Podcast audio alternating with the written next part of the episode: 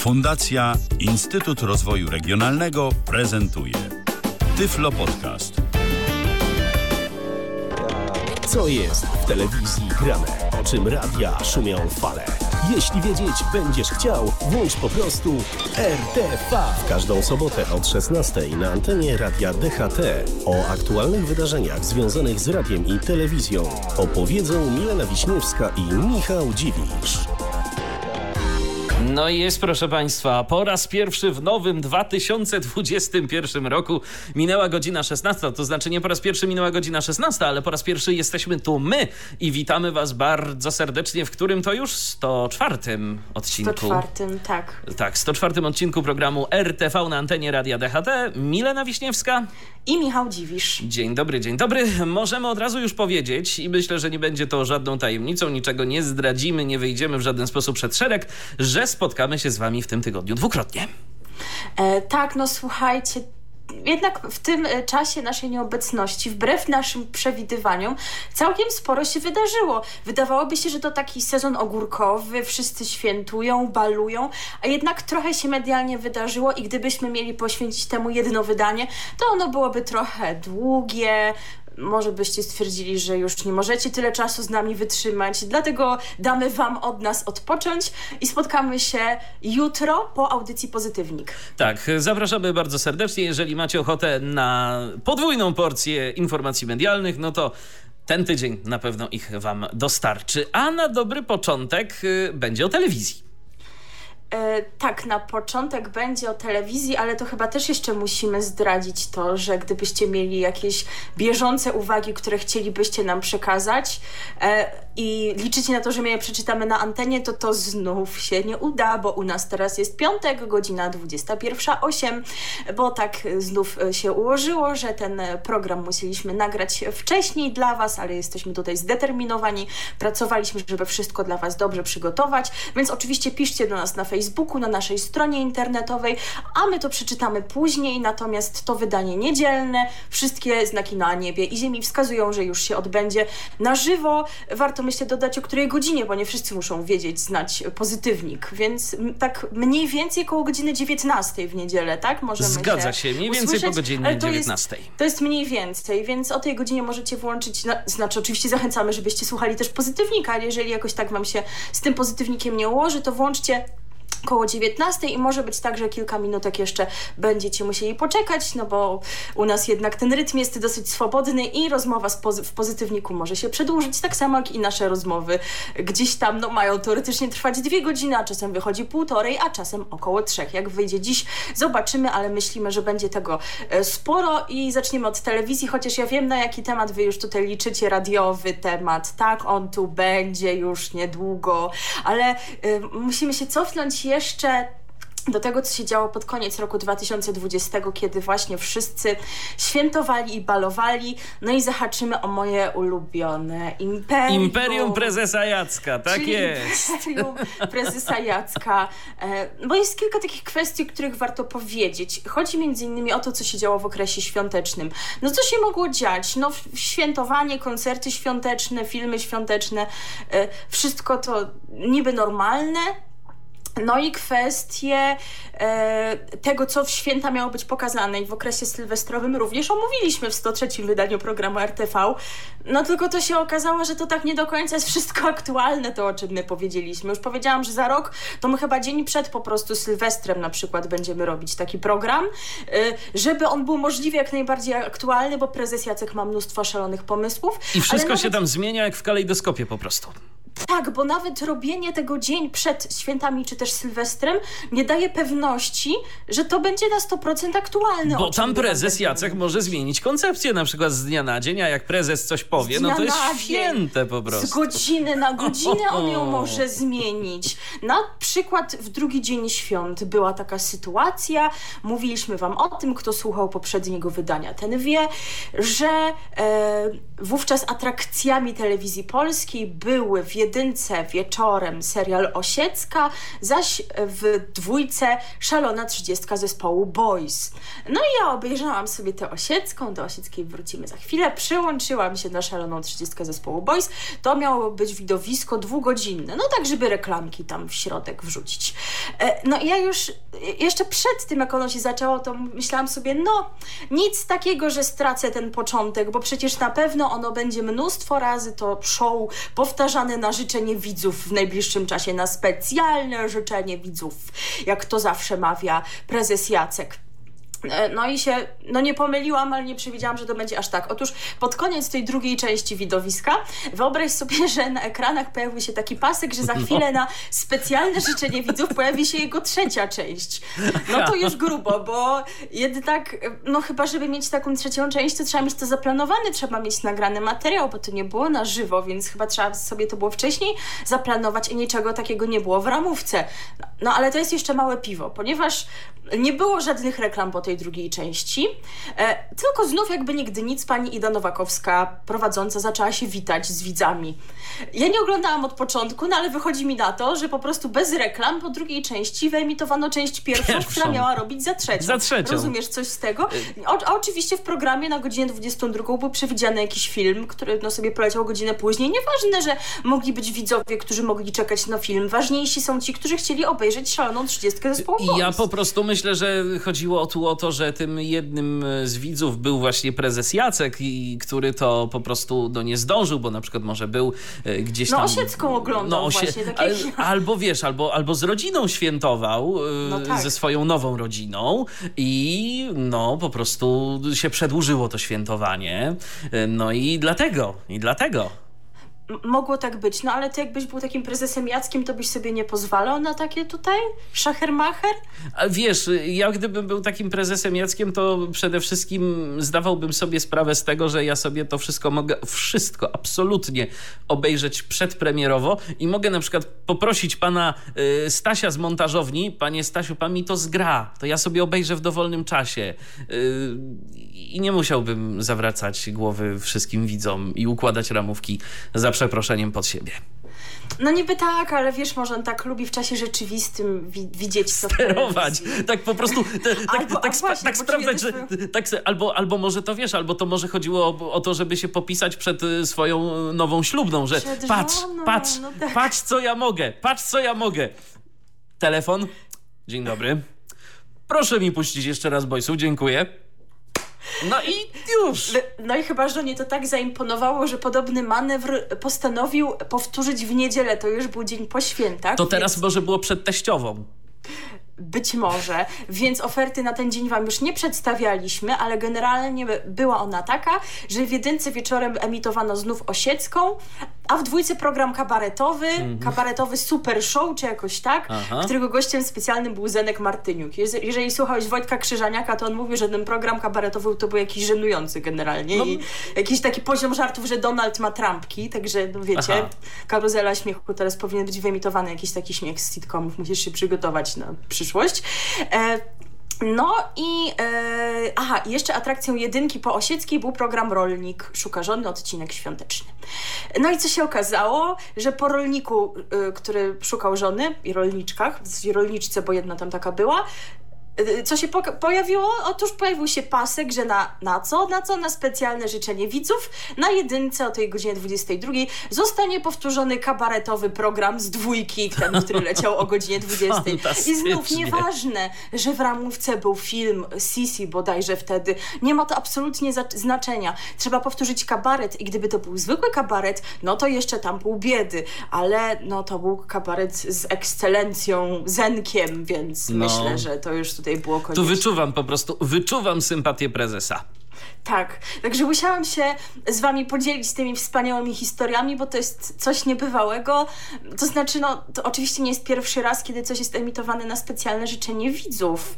E, no, ale że te zmiany są wprowadzane tak, tak szybko i to też nie był jedyny przypadek e, tego rodzaju zmian, e, no tylko jeszcze mieliśmy zmiany wprowadzane jednak z nieco większym, bo kilkudniowym wyprzedzeniem. Dziękujemy Ci, pan, ci Panie Prezesie, bo e, być może pamiętacie, że przed świętami Wam mówiliśmy, że z serialem Osiecka to będzie tak, że pierwsze odcinki zostaną pokazane w święta, w piątek i w sobotę i potem już co niedziela kolejne odcinki. Nie, nie, nie, skąd ten pomysł? I nam jest trochę, nie jest trochę przykro, nie, no nie udało nam się tutaj być w okresie świątecznym, sylwestrowym, bo wiecie, tutaj no, w redakcji jednak się grubo działo, mieliśmy naszego Sylwestra, a potem trzeba było jakoś Oj, tutaj mieliśmy. wszystko musieliśmy to jakoś wszystko tu ogarnąć, więc nawet mieliśmy chęci, żeby się tutaj pojawić, nie daliśmy rady. E, dlatego też mamy nadzieję, że miłośnicy serialu Osiecka, osoby nim zainteresowane, dowiedziały się o emisji dodatkowych odcinków, które to pojawiły się w piątek 1 stycznia, w sobotę 2 stycznia, potem w niedzielę, no tak jak się miał pojawić odcinek, no ale miał być to czwarty, taka się już zrobił szósty. E, i 6 stycznia w Trzech Króli. I teraz już od tej niedzieli, która będzie jutro, będą sukcesy w nieco tydzień, no chyba, że znowu coś prezes Jacek wymyśli, choć no nie ma żadnych świąt już po drodze, więc mi się nie wydaje. Także doszły tak naprawdę trzy odcinki, o których e, mogli widzowie nie wiedzieć, prawda? No ja się dowiedziałam z Facebooka Bądźmy Razem TVP na przykład. E, no i tak oto te odcinki obejrzałam. A właśnie, skoro jesteśmy przy serialu Osiecka, to myślę, że możemy w kilku słowach skomentować. Ty, z tego co wiem, gdzieś tam miałeś okazję rzucić okiem. Ja tak miałem powiem. okazję rzucić okiem, rzucić okiem na dosłownie jeden odcinek, konkretnie był to odcinek drugi. E, I jak wrażenia, choćby po tym małym wycinku? E, wiesz co? Serial się wydaje nawet całkiem sympatyczny. E, Co prawda oglądałem go bez audiodeskrypcji, a tu zdaje się, że audiodeskrypcja też jest w tym serialu. E, Czy nie ma? No niby tak, e, ale czy zawsze Aha. roszczeniowy, niewidom, niewidomy człowieku chciałbyś audiodeskrypcję w każdym odcinku? To znaczy, ja oczywiście rozumiem, że istnieje coś takiego jak błąd ludzki i że audiodeskrypcja na przykład się może komuś nie włączyć przez przypadek. Natomiast w tych odcinkach, które były w sobotę i w niedzielę, czyli 2 i 3 stycznia, audiodeskrypcji zabrakło. 6 stycznia pojawiła się znowu. Przypuszczam, że może, ale nie musi być to efekt tego, że być może ona jest jakoś robiona na ostatnią chwilę, a prezes Jacek przyspieszył emisję tych odcinków i tak oto ktoś się po prostu z tym nie wyrobił. Jeżeli tak jest, to mi się tego nie chce komentować, szczególnie, że przypominam, iż ten serial miał się pojawić w marcu i trwały prace postprodukcyjne od tego czasu. No Ja nie właśnie. wiem, na czym one w końcu polegały. Na tym, że prezes musiał przyjść i obejrzeć sobie go parę razy. Więc jestem troszkę zażenowana. E, na domiar złego często jest taki, że jeżeli brakuje audiodeskrypcji w premierowym odcinku, to ona się pojawia w powtórce, a teraz tych odcinków Osieckiej jest tyle, że chyba nawet nie ma powtórek i najbliższe są gdzieś w połowie stycznia TVP seriale, także słuchajcie, śledźcie TVP seriale tam w połowie stycznia, to może znajdziecie odcinek już z audiodeskrypcją, jak ją dograją, a może nie, nie wiadomo. Może będzie szansa. A, a, a co jeszcze? Ja, ja, jakie twoje wrażenia z tego, co, co właśnie zobaczyłeś w tym kawałku? Zobaczymy, czy się pokryją. To znaczy, no, już tak zespoiluję, że trochę y, o tym rozmawialiśmy y, wcześniej, przed y, wejściem na antenę i tak naprawdę to ty mi zwróciłaś uwagę na to, że pani Osiecka, właściwie ta wersja młodej Osieckiej, tak, grana Tak. przez Eliza Rycembel. Elizę Rycembel, tak, była jakaś taka dość... Bez wyrazu, o tak bym to określił. Taka, taka oddalona, taka zdystansowana, chłodna bardzo. Tak, taka, taka właśnie bez emocji, zimna, a jednak no, nie, nie znałam, nie mogłam znać Agnieszki Osieckiej, ale z nagrań telewizyjnych, które gdzieś tam słyszałam, to wydaje mi się, że przynajmniej tak ze, ze sposobu mówienia, no trudno powiedzieć, jak na co dzień w telewizji też się inaczej mówi, ale że jednak się wypowiadała trochę inaczej, z trochę jakimś większym uśmiechem w głosie. Ja podesłałam ci nawet koncert, prawda, z Opola, nie wiem, czy miałeś okazję Nie miałem, jeszcze, jeszcze go nie miałem okazji posłuchać, muszę to nadrobić. W każdym razie w internecie być może znajdziecie choćby koncert Nastroje, Nastroje, czyli z udziałem e, Osieckiej, Kofty i Młynarskiego, gdzie ich wszystkich można posłuchać z roku bodajże 77 czy 6 jakoś tak, ale są też inne materiały.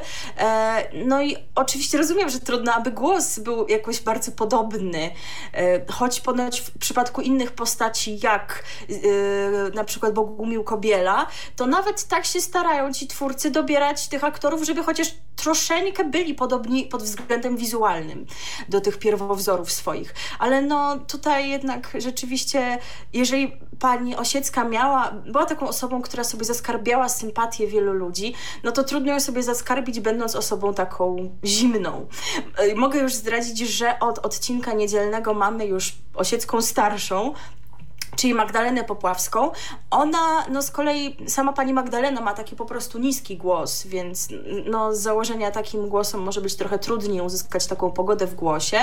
E, niemniej jest już, jest już tego więcej I, i myślę, że w tej roli pani Popławska podoba mi się bardziej niż pani Rycembel, ale ja z kolei czytałam pozytywne recenzje krytyków, jeżeli chodzi o panią Rycembel, więc może to jest jakaś taka moja czy też nasza w zasadzie. Może wizualnie, ocena. może mm -hmm. po prostu wizualnie całkiem nieźle gra, a no już ten głos i sposób wymowy, y, sposób takiej bycia z tego samego głosu, ludzie już może na to rzeczywiście mniej zwracają uwagę. No w końcu nie od dziś mówi się, że tak naprawdę najpierw się widzi, a potem wszystko inne, tak? Y, więc może to ludziom to wszystko tak przyćmiło, a my to dlatego odbieramy inaczej. To, na co jeszcze chciałabym zwrócić uwagę, e, no to jest sama fabuła, to znaczy to, czego mi brakuje. E, powiem inaczej, mam podobne zastrzeżenia co do filmu o Agnieszce Osieckiej i filmu o Zenku Martyniuku. Rozumiem, że Zenka nie miałeś okazji oglądać. Nie, nie, nie, nie. nie. I, i jeszcze mi powiesz, że filmu o Krawczyku też nie oglądałeś. Yy, szczerze powiem nie. To jak ty się śmiesz nazywać Polakiem? Natomiast. Ja, ale przepraszam bardzo, ja o Krawczyku oglądałem zwiastun i, i, i stwierdziłem, że brzmi obecnie naprawdę już bardzo staro. No to jest niestety prawda, bo, bo jest chory. E, no, mhm. No ale to, to był film dokumentalny i on rzeczywiście był fajny. Mi się podobał w tym sensie, że rzeczywiście sporo takich elementów rozwoju jego kariery było ukazanych, a to, co w Osieckiej i w Zenku mnie uderza, proszę nie hejtować mnie za te porównania, to jest właśnie kwestia koncentracji się, koncentracji wyłącznie na wątkach miłosnych, to znaczy rozumiem, że one są dla słuchaczy najciekawsze. Osiecka gdzieś tam miała ileś tych związków, Zenek z tą Danką i coś tam jeszcze. E, no a przecież te ich piosenki, no to się nie stworzyły same. Życie to są chwile, chwile. Nie powstało tak, że Zenek wstał i to już było napisane. Nie? Coś się wydarzy... No chyba nie. Coś się wydarzyło. Osiecka jakoś chyba szukała tych kompozytorów, czy też trafiała na nich, którzy pisali dla niej melodie do jej tekstów. Wreszcie pisała same teksty, a nie ma tego momentu, nie ma chociażby jakichkolwiek maleńkich odniesień do tego procesu twórczego. Rozumiem, że gdyby całość była temu poświęcona, było te, byłoby to nieciekawe, ale jednak mówimy o wykonawcy o artystce, o wokaliście disco polo. E, no i ch chyba ten element twórczy jest tutaj jakoś istotny, więc moim zdaniem powinien być zaznaczony, a nie ja powiem szczerze, Ja powiem szczerze, jestem bardzo ciekaw, co się wydarzyło w życiu Zenka Martyniuka, kiedy pisał tekst do piosenki Tabu Tibu Tabu Tibu Taj. no rzeczywiście, widzisz, no i nie, nie dowiedzieliśmy się tego.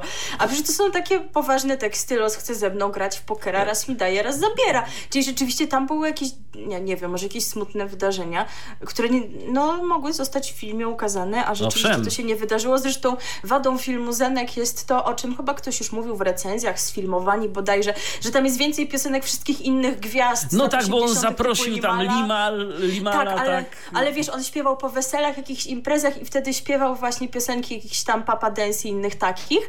No i no wiadomo, że jeszcze nie śpiewał swoich i te się pojawiają, a jego piosenek nie ma tam prawie wcale. Gdzieś tam w ścieżce dźwiękowej są wplecione fragmenty takie zagrane na pianinie, plus na końcu te, nie, nie życie to są chwile, tylko o, przez twe oczy zielone, więc jest dużo więcej piosenek innych artystów niż, niż samego. Zenka. I no, to jest no. taki no. ciekawy e, mo motyw, natomiast, e, natomiast film Zenek został wyemitowany z audiodeskrypcją, także to też myślę, że warta uwagi informacja w kontekście przyszłych emisji. No dobrze, święta, święta i po świętach e, i przyszedł Sylwester, czy też jak to kiedyś usłyszeliśmy w pewnym radiu polonijnym, tak zwane Sylwestry. I mi się bardzo spodobało i ja już tylko tak umiem mówić. E, nawet mogę przyznać, że tę część naszego programu w naszych notatkach nazwałam Sylwestry i takie tam. No i tak jak Wam też mówiliśmy w naszym programie, dwie stacje telewizyjne w tym roku zdecydowały się na imprezy sylwestrowe. E, to była dwójka i to był Polsat. E, TVN skapitulował, emitował filmy. E, no i wokół tych imprez sylwestrowych było głośno od pewnego czasu i omówimy sobie kilka tych kwestii, na których się nie zdążyliśmy skupić. No ostatecznie to się wszystko skończyło tak, że co prawda Sylwester w telewizyjnej dwójce miał wyższą oglądalność niż w Polsacie, ale z drugiej strony e, wyobraź sobie, że to Polsat względem zeszłego roku zyskał widzów, a dwójka ich straciła. O proszę. I nie rozumiem, dlaczego się tak stało. Czyli Ci ta widzowie... widownia TVN-u tak naprawdę się gdzieś tam roz, rozpierzchła. Coś takiego, no właśnie, no bo ile można oglądać nigdy w życiu, prawda? No właśnie. Więc, więc ci widzowie są po prostu jacyś niewdzięczni, e, totalnie, nie rozumiem ich podejścia. Za rok to my będziemy mieć te miliony, miliardy w Radiu DHT, to Oczywiście. możemy zapewnić. Ale naprawdę nie rozumiem tych niewdzięcznych ludzi, bo przecież prezes Jacek jest tak wspaniale kreatywny. Co tam dla niego jakieś obostrzenia e, covidowe, on po prostu wszystko jest w stanie obejść. E, być może już przed Sylwestrem słyszałeś, jak prezes Jacek załatwił sobie kwestię publiczności, bo przecież teoretycznie nie tak. powinno być publiczności o tym koncercie. Słyszałem, słyszałem o kreatywności prezesa Jacka, mianowicie o y, zatrudnieniu 500 tancerzy, którzy, którzy będą robić za publiczność. Tak, taka tań, tańcząca publiczność. Ale to zobacz, jakie to jest, ale zobacz, jakie to jest w ogóle oszczędne, bo tak, yy, oszczędzasz na, na publiczności, której i tak mieć nie możesz, ale jeżeli by przyszło co do czego, jeżeli trzeba, byłoby, jeżeli trzeba byłoby zrobić jakąś choreografię, no to w tym momencie od razu ta publiczność skacze gdzieś tam sobie na scenę, ewentualnie się przebiera w jakieś stroje i od razu masz yy, no, ludzi, którzy są w stanie ci wykonać tak naprawdę każdą figurę. Ale ja te, też tych ludzi nie rozumiem. Naprawdę ludzie są okropnie niewdzięczni, wiesz, bo prezes Jacek e, chciał im chyba zapłacić za to ile na początku? 150 zł czy coś koło tego i ludzie ponoć nie chcieli. Ale 150 Dlatego... zł za, y, cały, za całą imprezę? No tak, za, za show, no. E, ale i ludzie nie chcieli. E, nie rozumiem tego, bo gdyby nie to, że tutaj tworzyliśmy Sylwestra w DHT, no to ja bym jak na skrzydłach leciała tańczyć dla prezesa Jacka. No ale jesteś mimo tancerką? Tego, mimo tego, że moje umiejętności taneczne są mniej więcej podobne do umiejętności wokalnych Michała, czyli wiecie jak jest, nie jest dobrze. Nie jest dobrze. a, my, a, a, myślę, że twoje umiejętności taneczne są też podobne do moich akurat. Oczywiście. No ja absolutnie nie mam zamiaru Dlatego wiesz, mnie tak bardzo zdziwiło, że po prostu chciałabyś tam y, występować, skoro mowa była tutaj o tancerzach, tak? No ale dla prezesa ja. A dla, a nie, no, no tak, no, no to przecież. Ale wiesz, to nawet nie trzeba było umieć tańczyć, bo motywacje tych osób były takie, y, że no można było właściwie w jakiś tam łatwy sposób zarobić. Tam nie wymagano od nich nie wiadomo jakich układów choreograficznych chyba, tylko żeby się coś tam poruszali, no. No nie oszukujmy się. E, no ale też pojawiły się właśnie takie informacje od tych osób, które uczestniczyły uczestniczyły w tym jako tancerze, e, że tam rzekomo im nie zapewniano gorących napojów o. i było im zimno, o. że nie zapewniano im możliwości skorzystania z toalety, ale myślę, że tak jak ja nie wierzysz w to i to są jakieś pomówienia, prezes Jacek nigdy by ty czegoś takiego nie zrobił. To nie ludzie, to wilki, co takie rzeczy po prostu.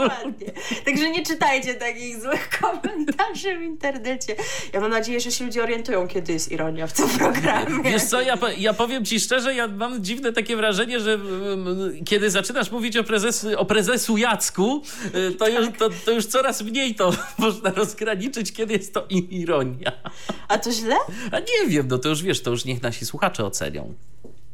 E, no i wspominałam też o tym, że co tam jakieś obostrzenia dla prezesa Jacka, bo on jest taki potężny, że dla niego nawet właśnie e, obostrzenia i rozporządzenia zmieniają, no bo tam jeszcze była kwestia korzystania z e, hoteli. Był taki motyw, że mieli ci twórcy tego Sylwestra skorzystać z ośrodka wypoczynkowego telewizji polskiej gdzieś tam niedaleko Ostrudy.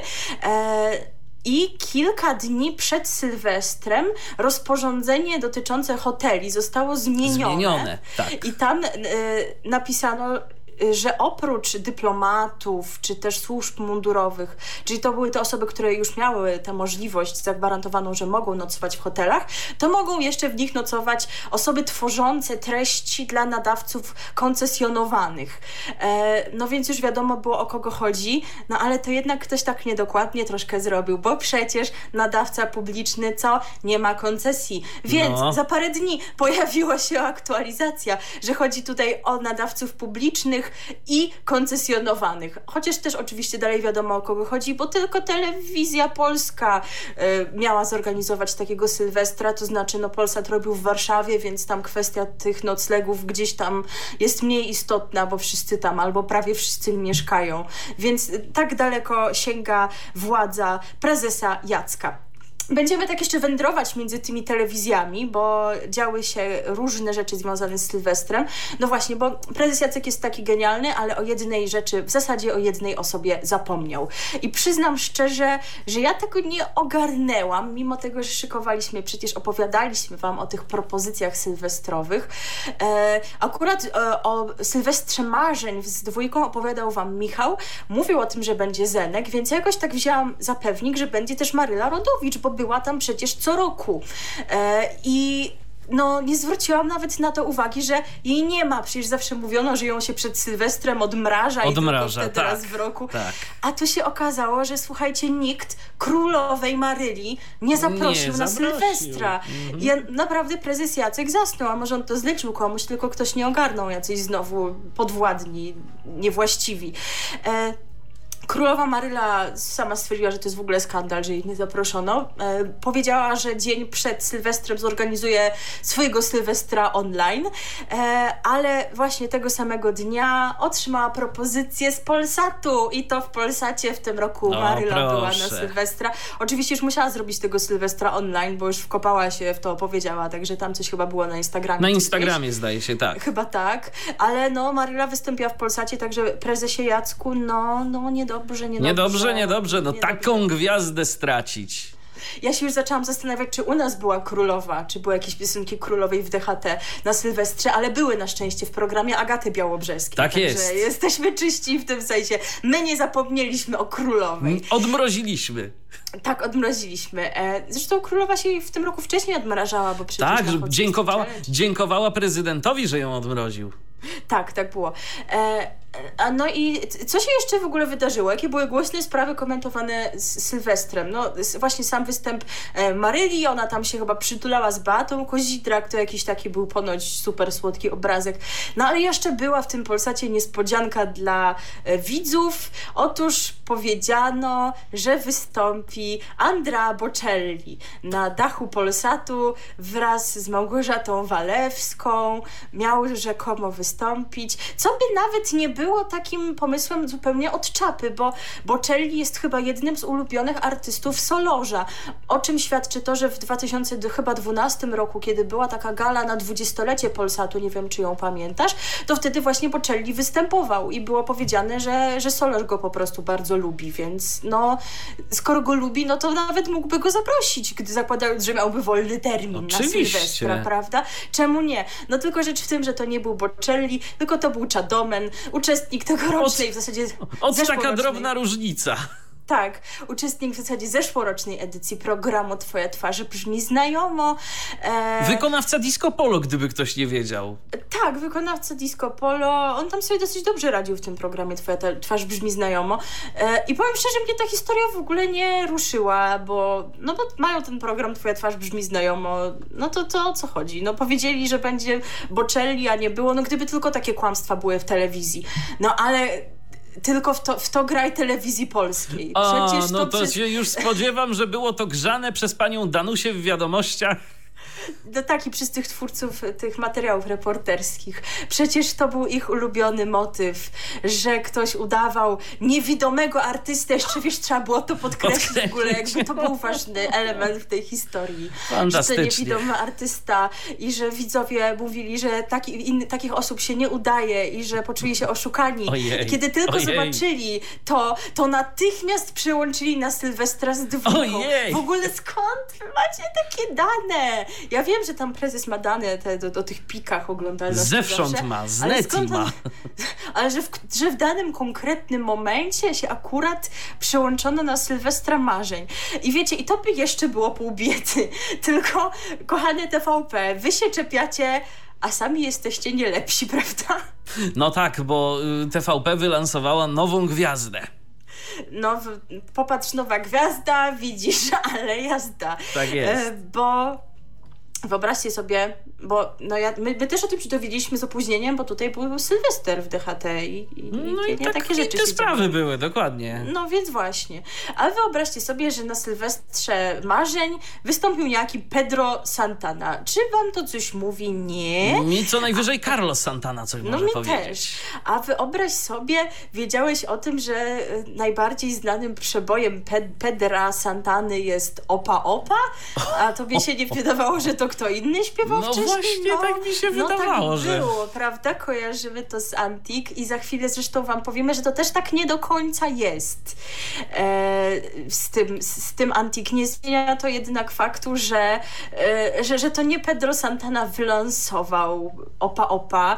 E, Czy, czy my już teraz podejmujemy wątek tego, jak to rzeczywiście z tym Opa Opa było? Czy, czy za chwilę? To znaczy, wiesz co, możemy za chwilę. Możemy dobrze, za chwilę. Dobrze, to, to, to kończąc jeszcze wątek. E, ten Pedro Santana był rzekomo przedstawiany jako taki największy, taki wielki zagraniczny gwiazdor, właśnie e, e, ten, który wylansował hit Opa Opa. A podczas gdy, gdy rzeczywistość wygląda tak, że to jest jakiś pan z Wenezueli, który brał udział w greckiej edycji Voice'a, w której to nie zaszedł zbyt daleko, e, już na naszej polskiej ziemi występował, bo występował w programie Jaka to Melodia jako gwiazda. I tutaj próbowano z niego zrobić właśnie jako jakiegoś wielkiego zagranicznego artystę, który zaszczycił TVP swoją obecnością, a to jest jakiś taki coverman, jakich jest mnóstwo w Polsce i na świecie, więc wiecie, ja też sobie mogę tak teraz by, być jakąś taką osobą, no obecnie nieznaną, a na przykład zacząć śpiewać jakieś przeboje i, i, jeździć po jakichś krajach w ogóle Gdzie cię w ogóle nie znają, znają. gdzie nie wiedzą, to, Tak. kim jesteś, to tak jak próbowano zrobić z zespołem Bayerful w Chinach, tak? Tylko, że nie wyszło.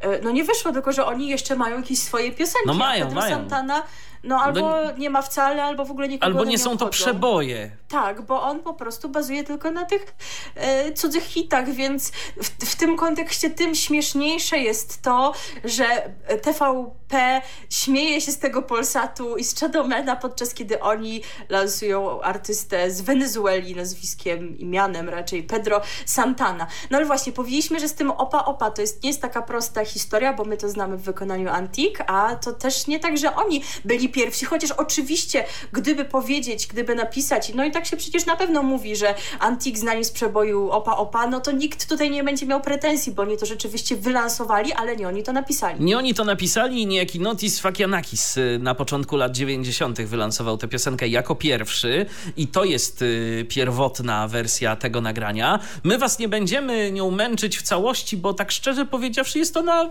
no, słaba, taka nudna. Dokładnie, Antik zrobił to znacznie lepiej i za moment zespół Antik w pełnej krasie sobie posłuchamy z utworem zatytułowanym Opa Opa, ale najpierw co? Najpierw posłuchajmy przynajmniej fragmentu oryginału. Radio bawi, radio uczy, proszę Państwa. Dokładnie, żebyście mogli sobie posłuchać, co to tak naprawdę jest i że nie jest to, na pewno nie jest to Pedro Santana. Opa, opa i zespół Antique y, to już za nami, a my teraz z telewizji przechodzimy do radia. I to do radia, na które to radio wszyscy myślę czekali. Gdyby ktoś jeszcze się nie orientował, to radio 357 wystartowało. I my, wy, my też Wam nie daliśmy rady o tym powiedzieć z wyprzedzeniem. Liczyliśmy, że nam się uda, a tyle u nas było mówienia o tym radiu, zanim ruszyło.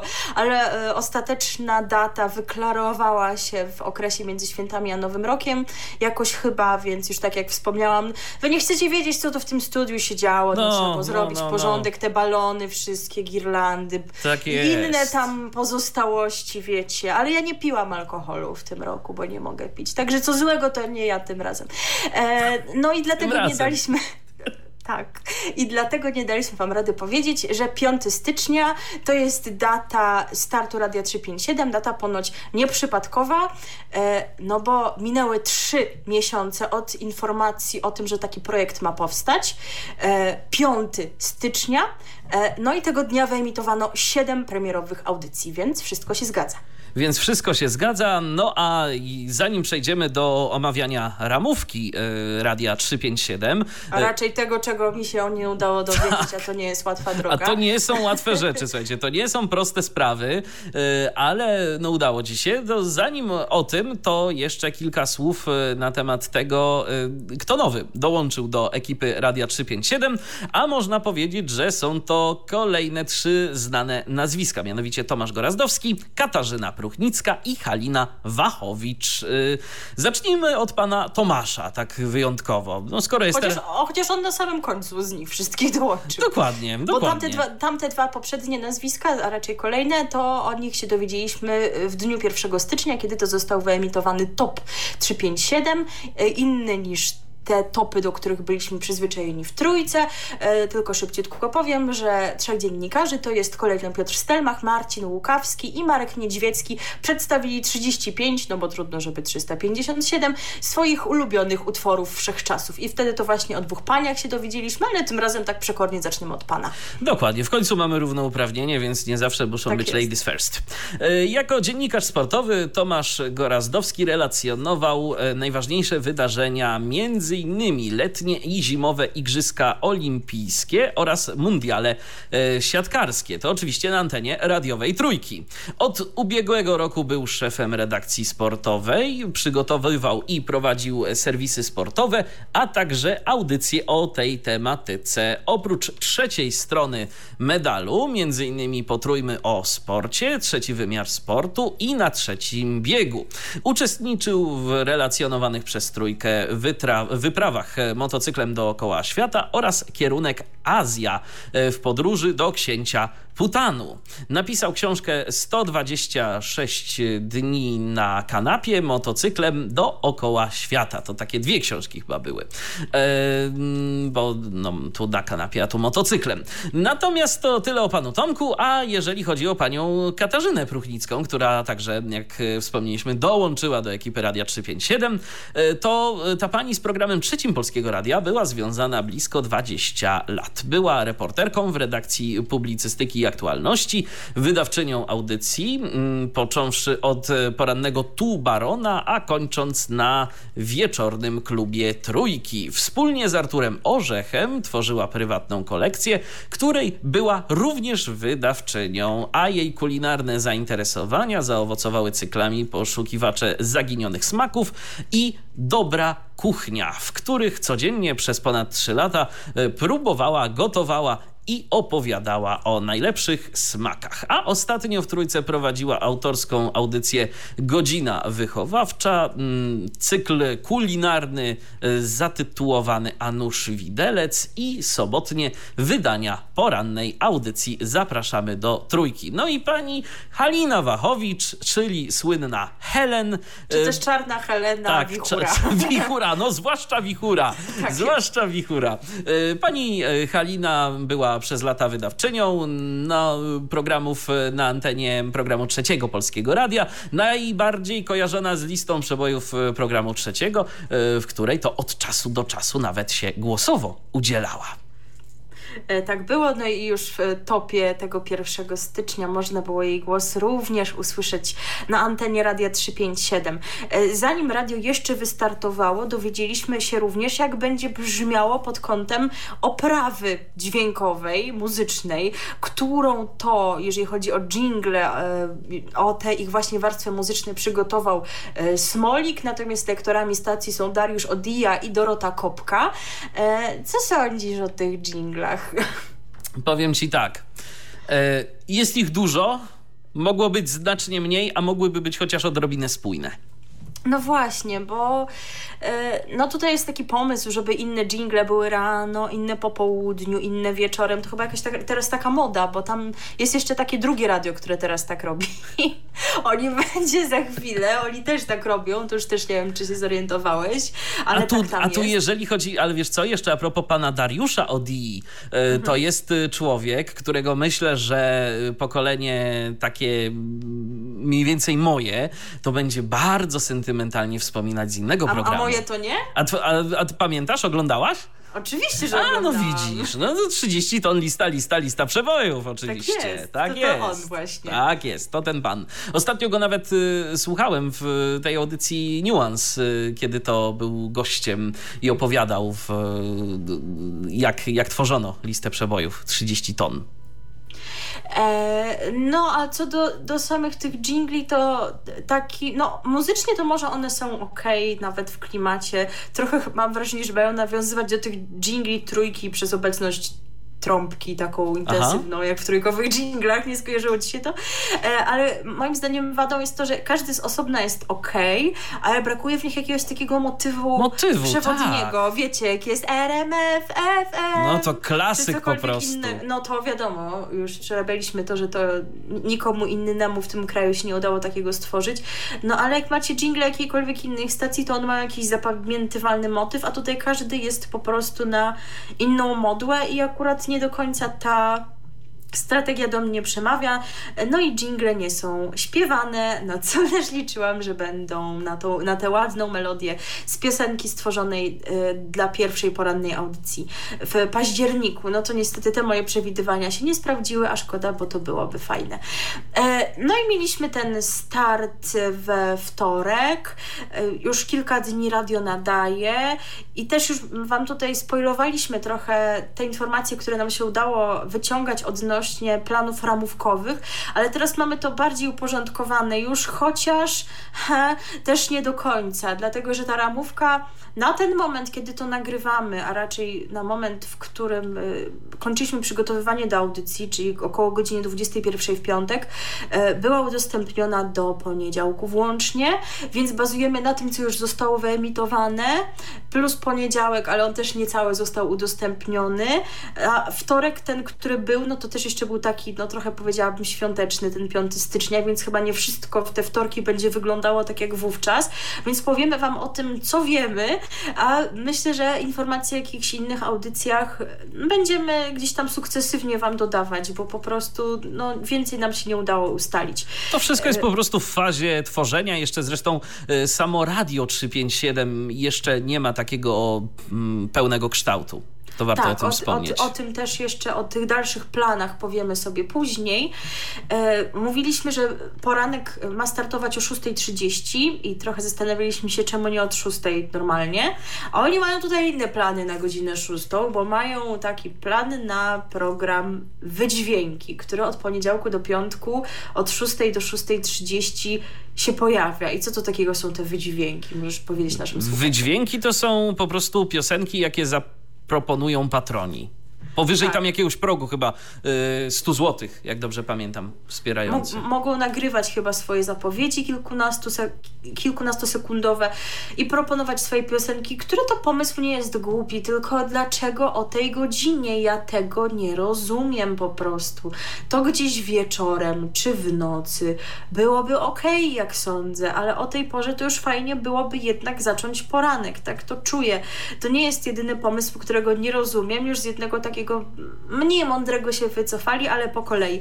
Od, y, zaczniemy od tego, co się dzieje od poniedziałku do czwartku. Te dni nie są tożsame, no ale powiedzmy, że najbliżej im do siebie. Piątek to już tak, no w trójce też tak już zawsze było, Już że ta tak, już tak weekend, wi- tak, weekendowa. pachniało inna. weekendem. Więc, więc y, trudniej byłoby nam to wszystko omówić razem, także na razie skupiamy na poniedziałku, od wtorku, środzie i czwartku.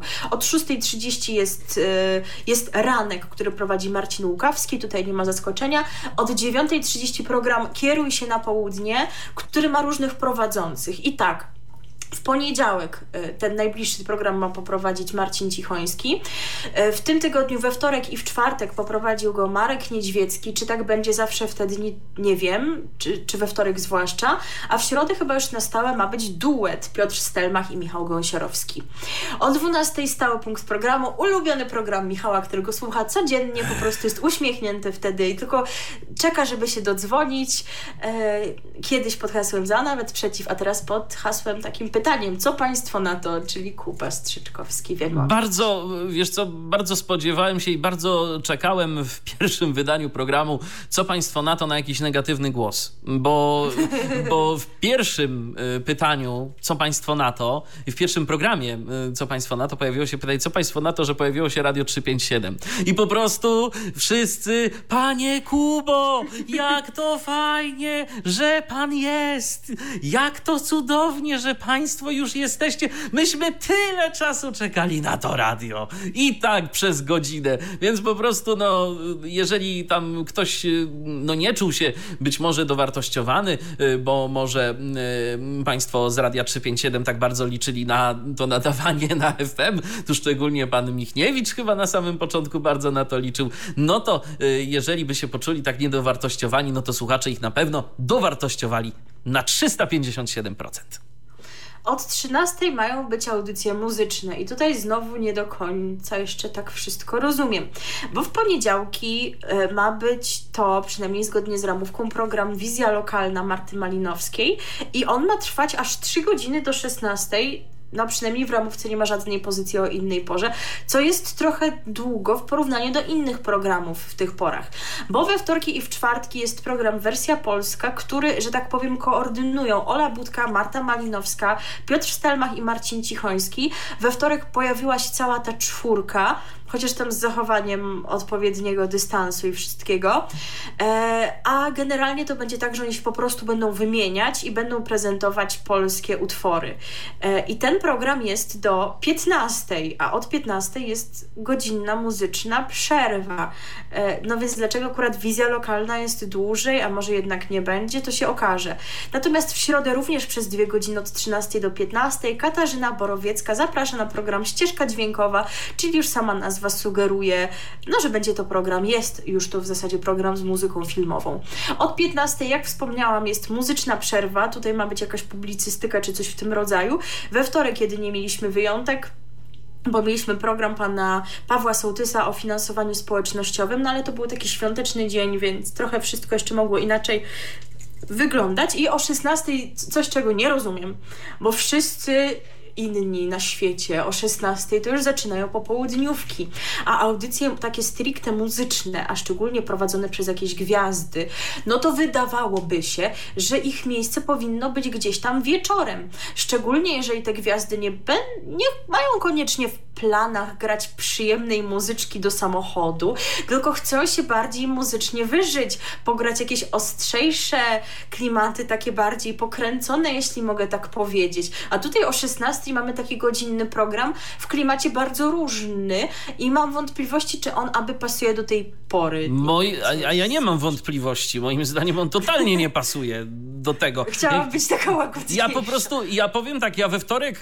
włączyłem... Yy, Radio 357 przed godziną 17 i mój komentarz nie nadaje się w tym momencie do zacytowania na antenie, y, ale z tego komentarza pozwolę sobie mm, dwa słowa wyciąć. Co to jest? A właściwie trzy. E, a to był program Krzysztofa Zalewskiego, tak, bo tu właśnie będziemy mieć programy gwiazd, o których Wam mówiliśmy już, że takie będą, ale niekoniecznie, bo jest kolejny problem, czyli to, że Programy gwiazd nie mam jeszcze pewności, czy wszystkie będą emitowane co dwa tygodnie. Tak będzie na pewno z programem Organka, ale chyba nie tylko z nim, więc na, powiemy Wam, co nam się udało ustalić na ten moment. Otóż w poniedziałek najbliższy jest program Mary Komasy i Antka Komasy-Łazarkiewicza. To się nazywa Sister Cities. Czy on będzie co tydzień? Nie wiemy. We wtorek poprzedni był program Krzysztofa Zalewskiego pod tytułem Zelik. Czy on będzie co tydzień? Nie wiemy. Co do środy mamy jaśniejszą sytuację. E, tutaj wymiennie będą się pojawiać i była właśnie w tym tygodniu Ola Budka z audycją Słoneczna Godzina do Zmroku. No to Ola nie jest gwiazdą, tylko jest prowadzącą Radio 357. No i właśnie wymiennie się będzie pojawiała z organkiem. On się pojawi już w środę najbliższą, ale nie, nie wiem, nie pamiętam albo nie słyszałam, jak ten program się będzie nazywał. Natomiast w czwartek już miniony pojawiła się y, wokalistka, o której z kolei ja wcześniej nie słyszałam, że ma mieć program w tym radiu. I ten program jest fajny, choć też no znowu może nie na tą porę, nie na tę porę. To jest Daga Gregorowicz z zespołu Daga Dana E, i audycja pod tytułem Kiribati. Takie klimaty etniczne, jeżeli ktoś kojarzy zespół Dagadana, to może wiedzieć, jaka to jest muzyka i co gdzieś tam twórczynią tego zespołu jest bliższe, e, jeżeli chodzi o muzykę, co jest im bliskie.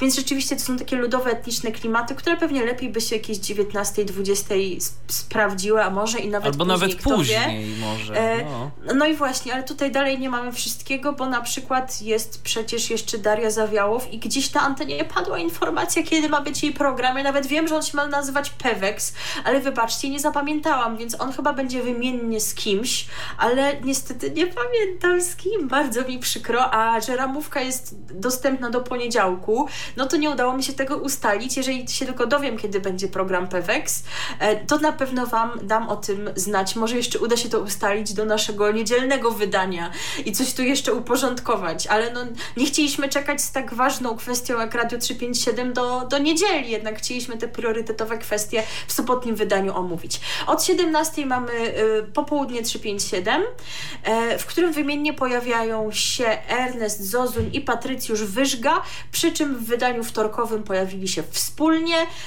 ale częściej ma być tam jednak pan Zozuń niż pan Wyżga. Pan Wyżga będzie na przykład w poniedziałek. Ale powiem wie. szczerze, że naprawdę podobało mi się, jak oni razem prowadzili mi tę popołudniówkę i jak dla mnie, to ta popołudniówka mogłaby w takim dwugłosie zostać, bo tego się naprawdę przyjemnie słuchało.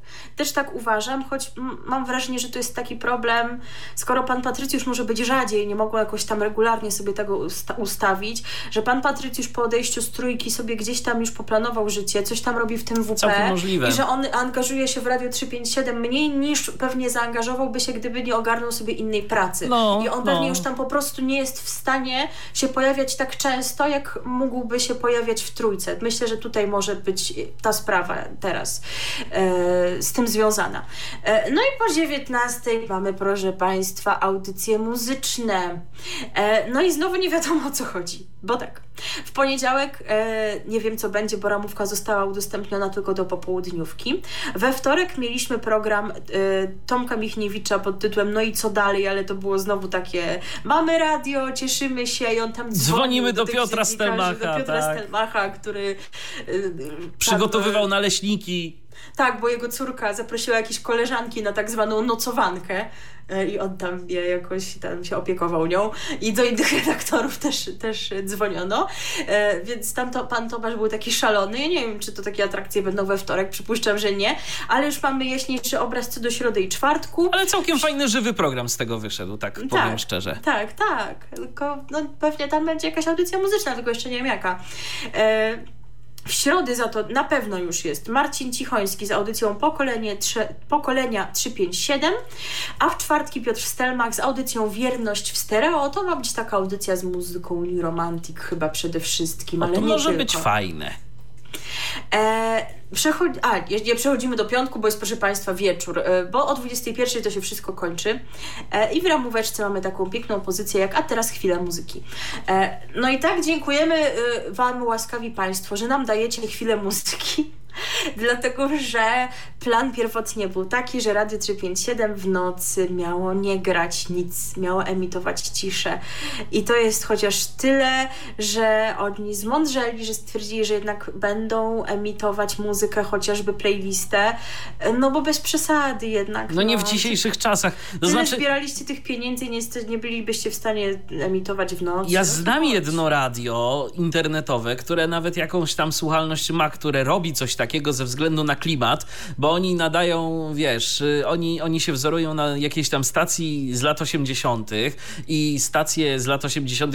miały te tak zwane close downs to szczególnie za granicą, e, bo to chodziło o to, że no na falach tam średnich, krótkich i nie zawsze można było nadawać, nie we wszystkich godzinach, e, no ale no to takie bardziej symboliczne, tak, a nie w przypadku radia, które tak naprawdę dochodzi o to, żeby słuchali go ludzie przez jak najwięcej, jak, jak największe odcinki czasowe. No dokładnie, więc ten, to, ten pomysł to było coś, czego nie rozumiałam, więc dobrze, że z dobrze, tego wyszli. no, i, no i, i szkoda, ja oczywiście rozumiem, że to Radio 09, że nie w pełnej krasie, ale ta 21 to czuję, że to jest mi tak za wcześnie, że ja bym no, sobie jeszcze no, czegoś no. posłuchała. Tak do 23.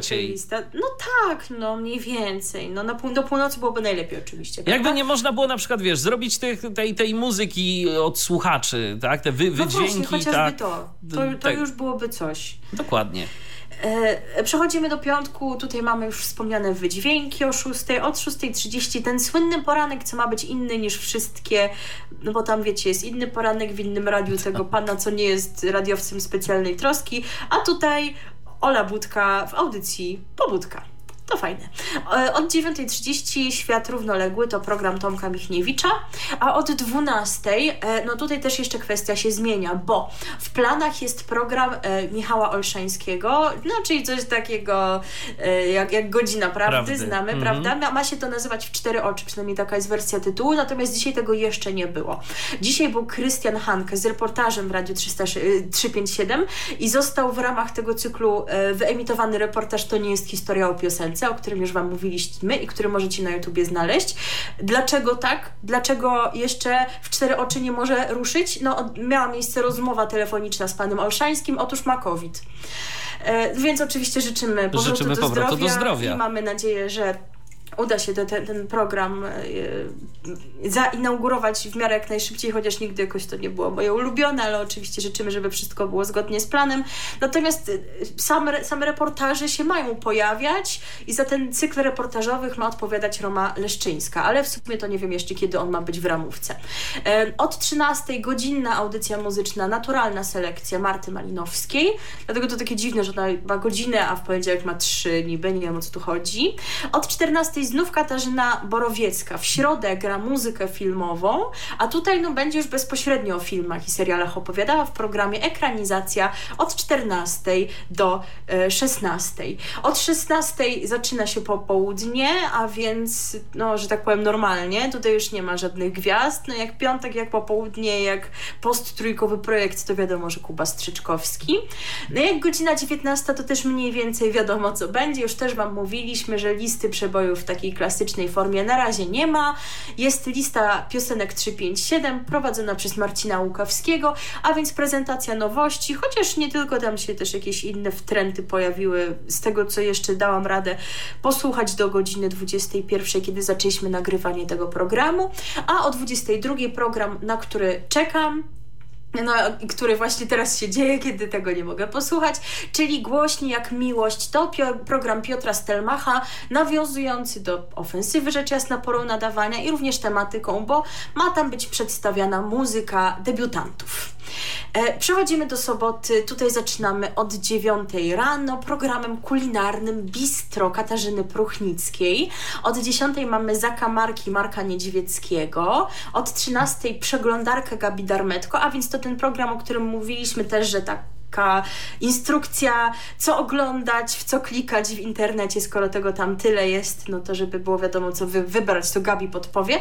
Od 14 program Sabotaż Krystian Hanke to poprowadzi, to miało być ten jakiś taki komentarz do bieżących wydarzeń z elementami satyry, nie wiem, zobaczymy jak to będzie. Jak wy tego słuchacie, to już jest po, także może słuchaliście i wiecie. To możecie może... dać nam znać.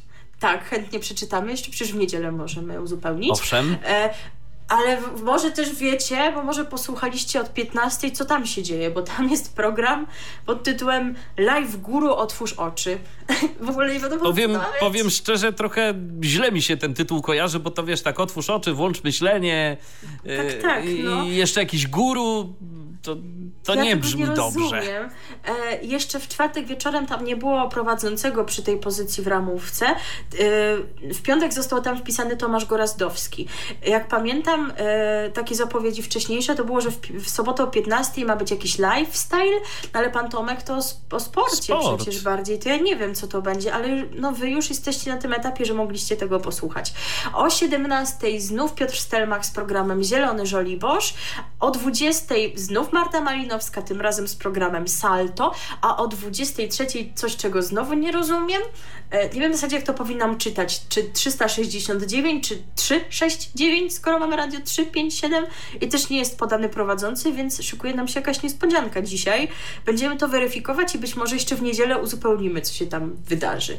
E, natomiast w niedzielę, też od 9 zaczynamy programem MERT, znowu Francja, Marka Brzezińskiego. Od 10 na zaprasza Ola Budka. O 12, no tam się wszystko tak szybko zmienia. Ten program w czwartek jeszcze miał tytuł Patent, a już w piątek otrzymał tytuł Patronautyka, ale prowadzący jest niezmienny, to jest Patrycjusz Wyżga.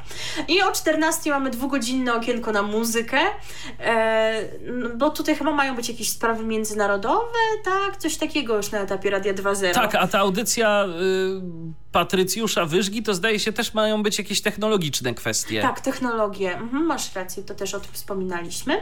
E, zaś od 16 znowu audycja muzyczna e, Marcina Cichońskiego pod tytułem Cisza nagranie. To, to też jest taki hermetyczny, chociaż może nie tak hermetyczny żart z tym tytułem, no bo Cichoński cisza jedna rzecz, a druga taka, że może nie wszyscy pamiętają, że kilka lat temu, nie pamiętam już 2018 to rok był, czy który, Trójka miała taki konkurs dla młodych wykonawców, który się nazywał Start Nagranie, więc rozumiecie, Start Nagranie, Cisza a tu nagranie, cisza nagranie, tak. he, he, żart. A jeszcze, żeby dopełnić ten żart, to o 18 jest program Start, ale bez nagrania, naprawdę. I on nie będzie o muzyce, tylko Super. będzie o sporcie. Poprowadzą go Tomasz Gorazdowski i Mateusz Fusiarz. O nim jeszcze nie było, że on tutaj dołączył, ale to jest ten pan, który, z którym nie przedłużono umowy w trójce i wtedy pan Gorazdowski stwierdził, że jak tak żeście potraktowali mojego kolegę, to ja teraz odchodzę. Więc pan Fusiarz też dołącza do 357 i będą prowadzić ten program Start. No więc wiadomo, trzecia strona medalu, prawda, tylko godzinę później. I to, słuchajcie, potrwa do 20 i jak na razie o tej porze oni w niedzielę kończą. No kochani, to jest wcześnie. To jest Zwłaszcza w, niedzie- wcześnie. zwłaszcza w niedzielę, kiedy to jeszcze ludzie naprawdę mogą sobie chcieć czegoś posłuchać. No dokładnie, ja tego. O ile piątek i sobota są bardzo ładnie wypełnione, naprawdę, tak tutaj jednak te, są te luki i jest ten wolny wieczór. Na pewno dalej nie wszystko wiemy, może jeszcze się do niedzieli czegoś e, dowiemy. Em, No ale właśnie, co, co, tam się, co tam się jeszcze wydarzyło? Odpalili to radio i jak? I- Jest, jest sukces? No to zależy, słuchaj, bo y, stream y, według ludzi z Radia 357 uruchomiono milion mm, 390 tysięcy razy. Więc wygląda na to, że no całkiem sporo. Y, I to Czyli zna- tyle razy ktoś tak, kliknął ktoś play. Dokładnie, ale mogła to zrobić na przykład jedna osoba kilkukrotnie. Także no, to taka duża liczba, to taka największa liczba. Y, A ekipa e, Radia 357 poinformowała portal wirtualnemedia.pl, że odnotowali we wtorek 273 tysiące unikalnych użytkowników. No i tyle różnych urządzeń y, uruchomiło y, stream podczas y, całego dnia. Y, A mm, przez cały czas, mm, i tu już jest y, mniejsza liczba, y, no to słuchało tego strumienia audio od 30, 37 do 45 tysięcy. No ktoś by mógł powiedzieć, że no dobra, no to tak w sumie no nie, może nie za dużo, ale wydaje mi się, że na, jak na medium internetowe, jak na radio internetowe, to jest naprawdę ładny wynik. To, to nie jest źle. To nie jest nie, źle. nie pamiętam wyniku Nowego Świata, bo to przecież można by tak porównać, prawda? Jakoś tutaj. Wiesz co, tylko problem jest w tym, że y, tu bardzo. Z jednej strony, y, jeżeli chodzi o statystyki słuchalności radia internetowego, to masz wszystko podane bardzo ładnie, tak? Bo masz liczby. Liczby nie kłamią, ale to, w jaki sposób przedstawisz te y, statystyki. Zobacz, tu są trzy liczby. I teraz w zależności od tego, jak kto je poda, w jaki no tak. sposób kto je zinterpretuje, tak można naprawdę to bardzo różnie interpretować. Y, można powiedzieć, że Radia 357 słuchało y, prawie y, półtora miliona? Można. Można. Można. A tak naprawdę, no to gdzieś tam powiedzmy te 30-40 tysięcy słuchaczy. Zdaje się, że chyba o Radiu Nowy Świat mówią coś o 90 tysiącach. Tylko teraz pytanie jaka to była liczba, czy to była średnia, czy to była, yy, czy to było w piku, czy to było, czyli ta największa yy, ilość słuchaczy yy, i jak to było podane, tam bardzo tak, tam było to okraszone takim bardzo marketingowym bełkotem, mam wrażenie, to, mm -hmm. ten, mhm. ten sukces y, Radia Nowy Świat. Więc ja bym tak nawet nie do końca chciał to zderzać ze sobą, okay. bo, bo nie wiem, czy jest okay. co. Mm -hmm. Po prostu. Mm -hmm. No a gdzie w takim razie można tego słuchać w ogóle? Bo to chyba też ważna informacja. Mm, no można słuchać na OpenFM, można słuchać e, na WP Pilocie, no i także mamy, mm, mamy też aplikacje mobilne. Mamy aplikacje na Androida i na iOS-a. Tu kilka słów można powiedzieć, e, bo mm, zainstalowaliśmy aplikację na iOS-a. Możesz to, powiedzieć, co wczoraj mówiłam, jak szykowałam. To się nie nadaje do powtarzania na antenie, no przepraszam nie, bardzo. Nie powiedziałam nic takiego, powiedziałam tylko, żebyś mi wirtualnie meliski zaparzył. No dobrze, ale to byłaś zirytowana, więc ja nie będę powtarzał. Ja nie będę powtarzał tego, ale tak, słuchajcie, o ile odtworzenie strumienia Radia 357 z aplikacji to nie jest wielki problem, bo tam trzeba po prostu ten przycisk odpowiedni znaleźć, go kliknąć i, i, i sobie z tym poradzicie, o tyle y, przejrzenie ramówki i przeczytanie ramówki na konkretny dzień to już zaczyna być wyzwanie.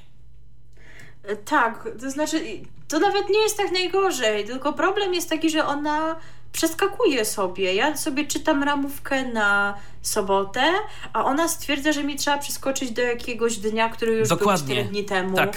Jakby, no jak, jak czytam sobotę, to chyba nie chcę czytać wtorku, to czy to jest takie trudne do zrozumienia ramówko? Tam po prostu coś z dostępnością jest jeszcze nie tak. Jest kilka osób. Zajmujących się, tudzież zainteresowanych dostępnością e, w gronie też nawet patronów Radia 357. E, no i z tego co wiem, to tam wysyłają informację zwrotną, co można by było poprawić. No więc miejmy nadzieję, że za czas jakiś coś poprawione zostanie i rzeczywiście tej ramówki e, będzie się dało, tę ramówkę będzie się dało spokojnie przeglądać i aplikacja będzie w 100% dostępna. Tym bardziej, że ta aplikacja, no tak docelowo to nie ma być taki prosty odtwarzacz tam mają się cuda nie, dziać. Będą szmery, bajery, gadżety, to już też mówiliśmy i o tych ich planach za chwilę. Dodam tylko, że jeszcze dzisiaj na Twitterze przeczytałam, że od, to znaczy dziś w piątek, że że Radio 357 dostępne jest już w dekoderach Kanal Plus na pozycji 569. Szkoda, że nie na 357. Owszem. Że się tak nie dało tego zrobić. Więc to taka świeża informacja, bo jeszcze do niedawna była mowa o tym, że trwają rozmowy z Kanal Plus, ale rozmowy jeszcze z innymi trwają. E, Cyfrowy Polsat, tak. UPC, multimedia, mm, także no jest jeszcze kilka sieci, e, co do których trzeba się jakoś tam dogadać, no ale jak się dogadają, to będzie dobrze bo będzie to bezpośrednio w kablu albo z satelity e, i będzie można sobie tego wszystkiego fajnie słuchać. E, no i te wyniki słuchalności to jedno, no ale drugie to, to też czego się można było spodziewać, chociaż jak mówi pan Michniewicz, oni są zaskoczeni. Trochę zima zaskoczyła drogowców. Mm -hmm. Nie wiem dlaczego, e, bo to jednak wydawało się, że to tak będzie oczywiste, że jak oni już ruszą, no to wzrośnie liczba patronów, wzrośnie ta deklarowana kwota wsparcia i tak się rzeczywiście stało. E, I już w czwartek Radio 357 osiągnęło cel Radia 2.0, czyli to jest 485 tysięcy złotych deklarowanych Brawo. miesięcznie. Przypomnę, że dlaczego taka dziwna kwota, bo miało być 500, ale znaleźli sponsora, czyli Mazda Mazda. i to mhm. pozwoliło im trochę odciążyć patronów. No i właśnie z czym się to wiąże, co oni w związku z tym dalej chcą zrobić? Otóż za najważniejsze radiowcy uznają teraz zapełnienie anteny. W styczniu pojawią się audycje sportowe, no już się teraz jedna pojawi, e, i reportaż, a od lutego serwisy informacyjne, no właśnie, Początkowo tylko rano i po południu. Ja słyszałam e, wypowiedź pana Michniewicza w popołudniowej audycji czwartkowej i on mówił o tym, że po prostu chcą sprawdzić, jak radio funkcjonuje, kiedy serwisy są rano i po południu, e, czyli kiedy ich słuchacze najbardziej potrzebują, a nie ma ich na przykład w trakcie audycji muzycznych. Co ty o tym sądzisz? Czy wolą być serwisy co godzinę? Ja myślę, że chyba jednak no fajnie, że słuchacz woli jak coś jest stałe. Czyli żeby po prostu... Że włączasz tak, o tej tak, porze, wiesz, włączasz o tej pełnej wiadomości. i wiesz, że będą wiadomości. Tak, dokładnie. A nie, że raz one są, raz ich nie ma. Nie, to jakoś tak nie wydaje mi się to fajne. To znaczy, jak słusznie podkreślił pan Zozuń, kiedyś radio tak wyglądało, że nie było tych serwisów co godzinę, ale teraz jednak wszyscy tak mają, albo prawie Ale wszyscy. kiedyś było kiedyś, a teraz jest teraz, jak mawia tak. nasz redakcyjny kolega. E, tak. E, I, I teraz mam takie wrażenie, że jeżeli się nie daje tych serwisów co godzinę, to się jednak trochę kojarzy z taką biedą, oszczędnością, jakimś dziwnym postępowaniem. Ja wiem, że są stacje, które dalej tak robią i nawet my ich tam słuchamy i ty ich słuchasz. E, jedna się z tego już wycofała. która nie ma w ogóle newsów na przykład. No tak. E, Radio Plus kiedyś miało też taki pomysł, chyba w środku dnia nie dawali tych serwisów. Ale jednak mi się wydaje, że albo dawać co godzinę albo, albo nie dawać albo wcale. wcale. tak jak to właśnie niektórzy też robią. E, więc akurat te, tego nie czuję, szczególnie, że tyle tych pieniędzy zbieracie, no to już nie róbcie problemu. No i też serwisy sportowe się mają pojawić i uruchomiona zostanie także biblioteka podcastów, bo na razie oni wychodzą z założenia, że tych audycji jest tyle, co kot napłakał, więc nie ma co czegoś takiego tworzyć. No bo nie mają się czym jeszcze za bardzo chwalić. E, więc takiej oficjalnej biblioteki na ten moment nie uruchomiono. E, ja się w ogóle zastanawiam, jak to będzie z tymi podcastami, e, z, zwłaszcza e, z audycjami muzycznymi. Czy one tam będą, czy, czy będą tak samo traktowane jak pozostałe rzeczy, czy to będzie podcast tylko z nazwy, to znaczy, że będzie można sobie posłuchać tego w aplikacji, ale tak naprawdę nie będzie można tego pobrać na dysk. No zakładam, że jeżeli będą to audycje muzyczne, to tak właśnie będzie, bo Mm, tak. tak, bo, bo programów z muzyką, no to niestety nie można udostępniać w takiej formie, a przynajmniej nie jest to tanie, o tak powiem. Mm -hmm. E, również w lutym zwiększy się ilość publicystyki i pojawią się korespondencje zagraniczne, a w marcu sprawy międzynarodowe. E, I teraz pozwolę sobie tak zacytować, żeby wszystko dobrze powiedzieć. Natomiast pełne Radio 2.0 oznacza nie tylko antenę, ale też funkcjonalność aplikacji i e, serwisy www pozwalające na indywidualne dobieranie treści, tu prace już w toku, oraz algorytmy, które muszą mieć czas, by się nauczyć nauczyć użytkowników, a to trwa. E, przewidywany Jestem bardzo czasu... ciekaw tych algorytmów. Co, co tu mm. chodzi? No to wszystko brzmi tak, a się okaże, że to w ogóle jest jakieś takie nic ciekawego.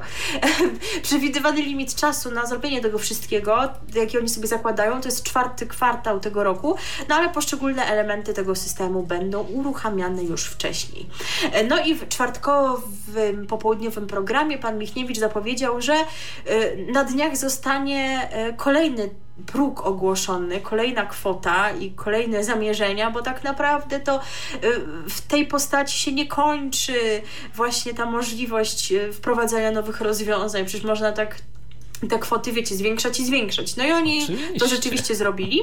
W piątkowe popołudnie został ogłoszony kolejny próg i to jest 615 tysięcy złotych.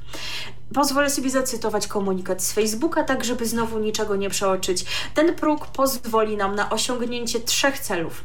Po pierwsze, przeznaczyć część budżetu na promocję i marketing, co pozwoli nam do, dotrzeć do wielu nowych słuchaczy, którzy być może jeszcze nie wiedzą o istnieniu Radia 357 i nie są patronami. Im większy zasięg radia, tym lepiej dla wszystkich. Po drugie, uruchomimy sklep z gadżetami, w którym będzie można nabyć redakcyjne kubki, koszulki czy plakaty. Jezu, i do tego trzeba tylu pieniędzy. Proszą nas o to Państwo nieustannie. Ja o nic nie prosiłam, proszę dać mi spokój. Po trzecie, w końcu wyjdziemy szerzej w sensie dosłownym. Jeśli przepisy i sytuacja pandemiczna na to pozwolą, niektóre audycje będziemy nadawać z terenu, spoza studia, z parków, kawiarni, teatrów, innych niż Warszawa miasto. Naprawdę wystarczy do tego Zoom i licencja za kilkadziesiąt No właśnie, Radio 357 chce być wśród ludzi, ale tak naprawdę, a nie symbolicznie. Mm. I naprawdę na to trzeba milionów monet, wszystko. No, ja rozumiem, że też no, nie, ma tań, nie, nie ma tanich rzeczy i w ogóle, ale no wiecie, e, no dobrze, żeby już tak się też nie rozgadywać, bo są, mamy też kilka innych tematów, pokrótce, jaka jest twoja opinia na temat Radia 357 na podstawie tych kilku dni? No powiem szczerze, fajnie, że jest, y, fajnie, że jest i że jest to kolejna stacja, która na pewno, ja tego jestem pewien, znajdzie swoich odbiorców, znajdzie swoich fanów, y, ja podejrzewam, że będę słuchał jakichś tam pojedynczych audycji, może tych o technologiach.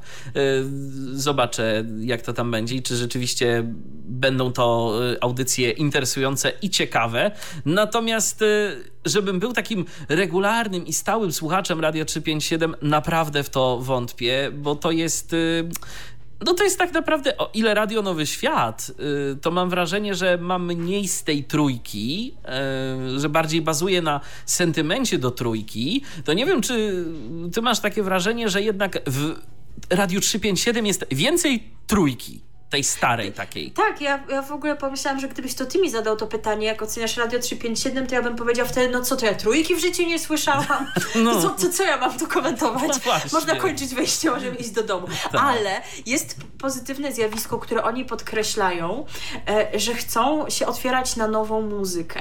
I to rzeczywiście widać, że jest tam trochę takich nowszych brzmień, ale nawet jak nie takich nowych, bo utworów mających kilkanaście lat, to takich, które niekoniecznie w trójce by się pojawiły, jak jakaś na przykład Beyoncé, Beyoncé gdzieś tam zabrzmiała po 21 chyba we wtorek If, if I Were a Boy. E, ja po prostu czekam, nie widziałam jeszcze jakichś komentarzy na Facebooku na przykład wychowanego na trójce, tych trójkofanów takich, wiecie, zakochanych w Deep Purple i w Ceppelinach i w Beatlesach, że oni to przeżyją, ale dla mnie to naprawdę dobrze, bo no to też nie, nie popadajmy w paranoję. Trójka nie była zawsze wiecznym topem wszechczasów. Oczywiście. No ale, ale jednak dobrze, że się też otwierają na inne, nie takie tylko trójkowe, elitarne brzmienia. Nie zawsze muszą być to utwory, które mi się podobają, ale zawsze lepiej to się otwierać niż się nie otwierać. No pewnie, że tak. I to będzie rzeczywiście coś. Zresztą w ogóle mam wrażenie, że yy, tam w Radiu 357 jest naprawdę sporo tej nowej muzyki. Tam ja oczywiście, y, szczególnie w tym nocnym paśmie, to słyszałem na przykład American Pie i, i parę innych takich starszych y, rzeczy, ale w dzień to wcale... W nocnym paśmie to są Christmasy w ogóle jeszcze. A to na to nie trafiłem, ale to widocznie jeszcze ktoś nie posprzątał. Natomiast y, ja... Nie, po prostu oni się szykowali do startu na grudzień i tak no pewnie tak. to zaplanowali, żeby to tak grało i zapomnieli to wyrzucić. Dokładnie. Natomiast wiesz, y, naprawdę nie wydaje mi się, żeby to radio brzmiało jakoś tak retro. Nie, nie, nie. Natomiast mam trochę wrażenie, że oni za bardzo smęcą momentami. Tak, y, taki taki od, od, ogólny wydźwięk tej anteny jest tak chyba trochę jednak za spokojnie. Jak na przykład y, słyszałem audycję Marka Niedźwieckiego. Y, środek dnia jakoś tak bardzo, bardzo spokojnie, tak po prostu takie to wszystko. No może to się z czasem rozbuja, oby, szczerze powiedziawszy, mam taką nadzieję. No ale są te młode prowadzące w, w szczególności, mm -hmm. bo to one Malinowska i Budka. Malinowska te hip-hopy będzie grała, no to jednak będzie jakaś energia, słuchaj, no. to zależy co i u kogo. Więc akurat tym młodym osobom, czyli akurat pani Oli i pani Marcie, daje się tutaj sporo szans i sporo programów. E, czy, czy coś jest jeszcze, o czym nie powiedzieliśmy w związku z Radiem 357? Myślę, że to wszystko. Pewnie coś jest, znając oczywiście życie, że się o czymś zapomni. Piszcie wasze refleksje na naszym Facebooku. My sięgniemy do tego na pewno, na naszej stronie też oczywiście, e, na Tyflo Podcaście. Będziecie też mogli komentować, jak się już ukaże ten program w wersji okrojonej, bez bez muzyki. Być może jeszcze w niedzielę rzeczywiście do jakichś komentarzy sięgniemy, coś jeszcze może uzupełnimy.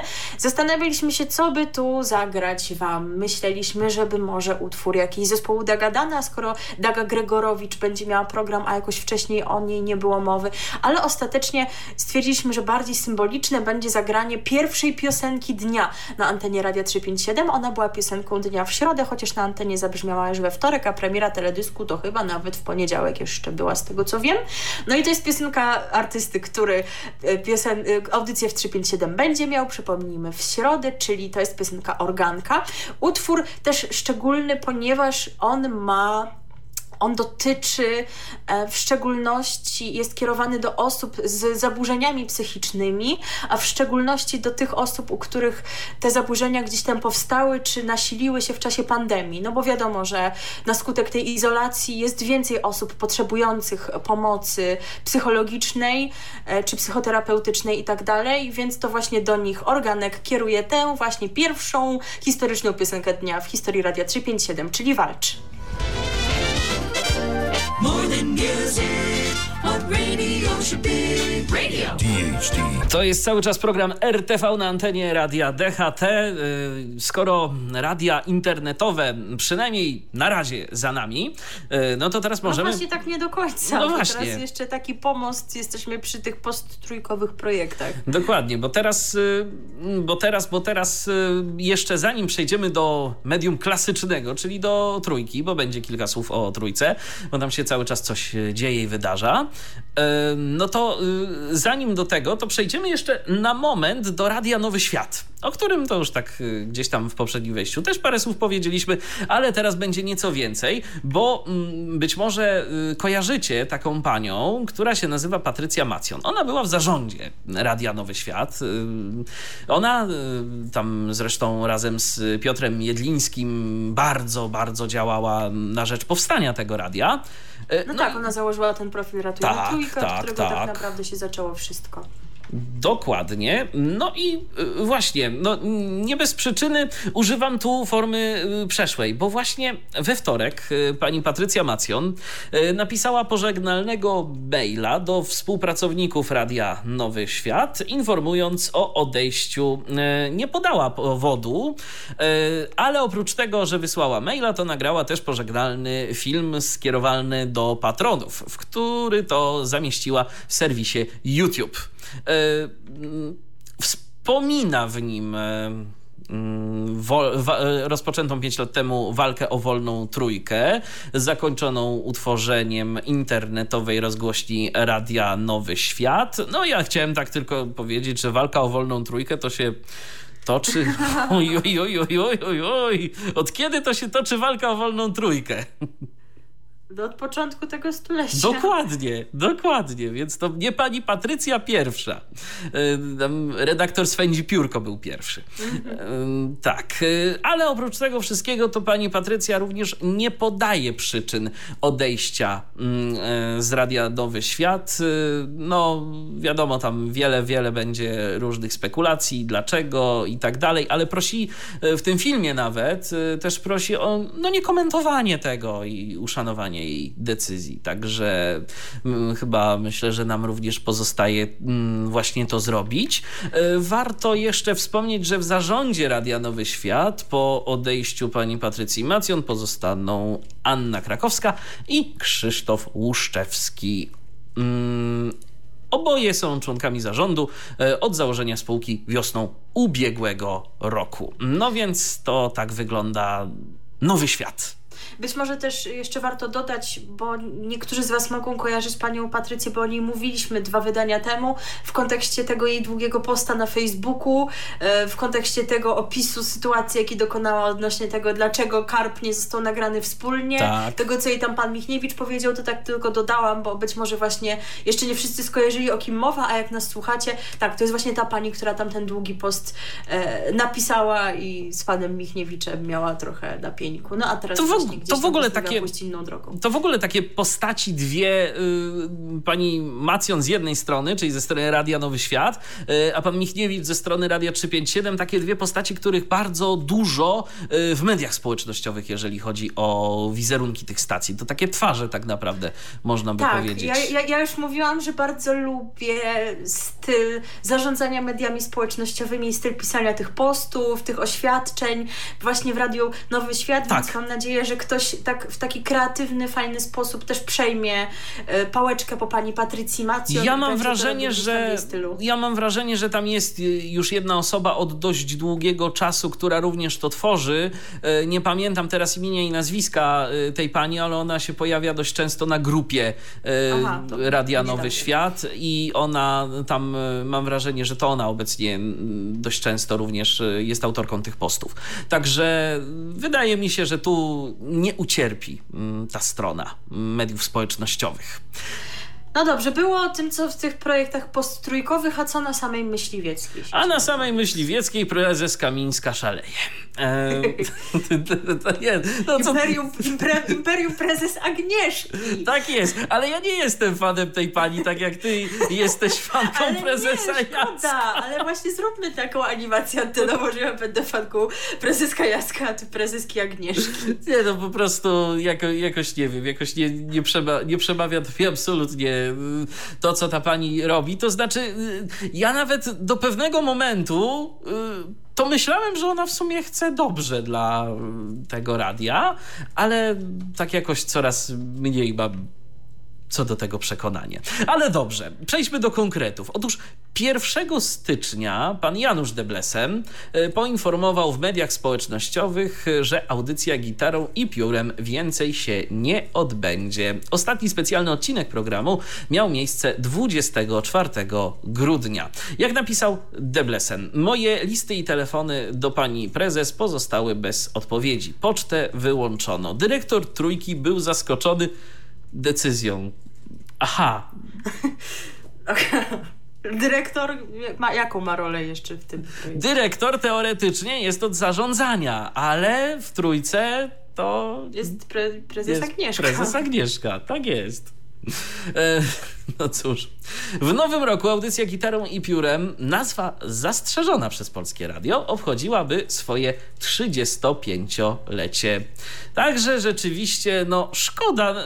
Ja Bardzo. powiem tak, no ja nie byłem jakimś miłośnikiem poezji śpiewanej, audycji gitarą i piórem, ale to jest jednak no pewna marka to jest pewna marka. Prawda. I po prostu pozbywanie się takich audycji, yy, ja rozumiem, że okej, okay, no nawet do kulturalno, jakiej tam, czekaj, jaka to ma być? Rozrywko, rozrywkowo. Nie, nie wiem, tam, ja już kulturalno kulturalno rozrywkowej tam tego, to trójki, to może nawet, okej, okay, może nawet i ta audycja nie pasuje, ale, ale to... kulturalnej, no to ale, właśnie tak. Ale wiesz, no ja już, dobra, zakładam, że chcemy odmłodzić tę trójkę tak? No. no to dlaczego by... No, ale to jest godzina w tygodniu, dajcie Ale żyć. dobra, ale dlaczego by na przykład tego nie przesunąć do jedynki?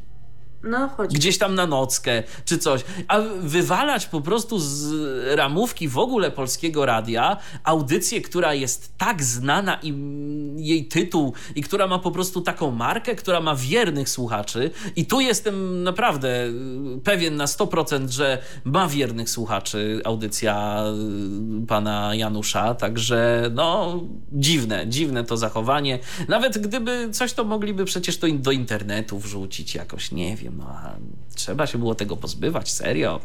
No ale dobrze. Yy, przypomnijmy może.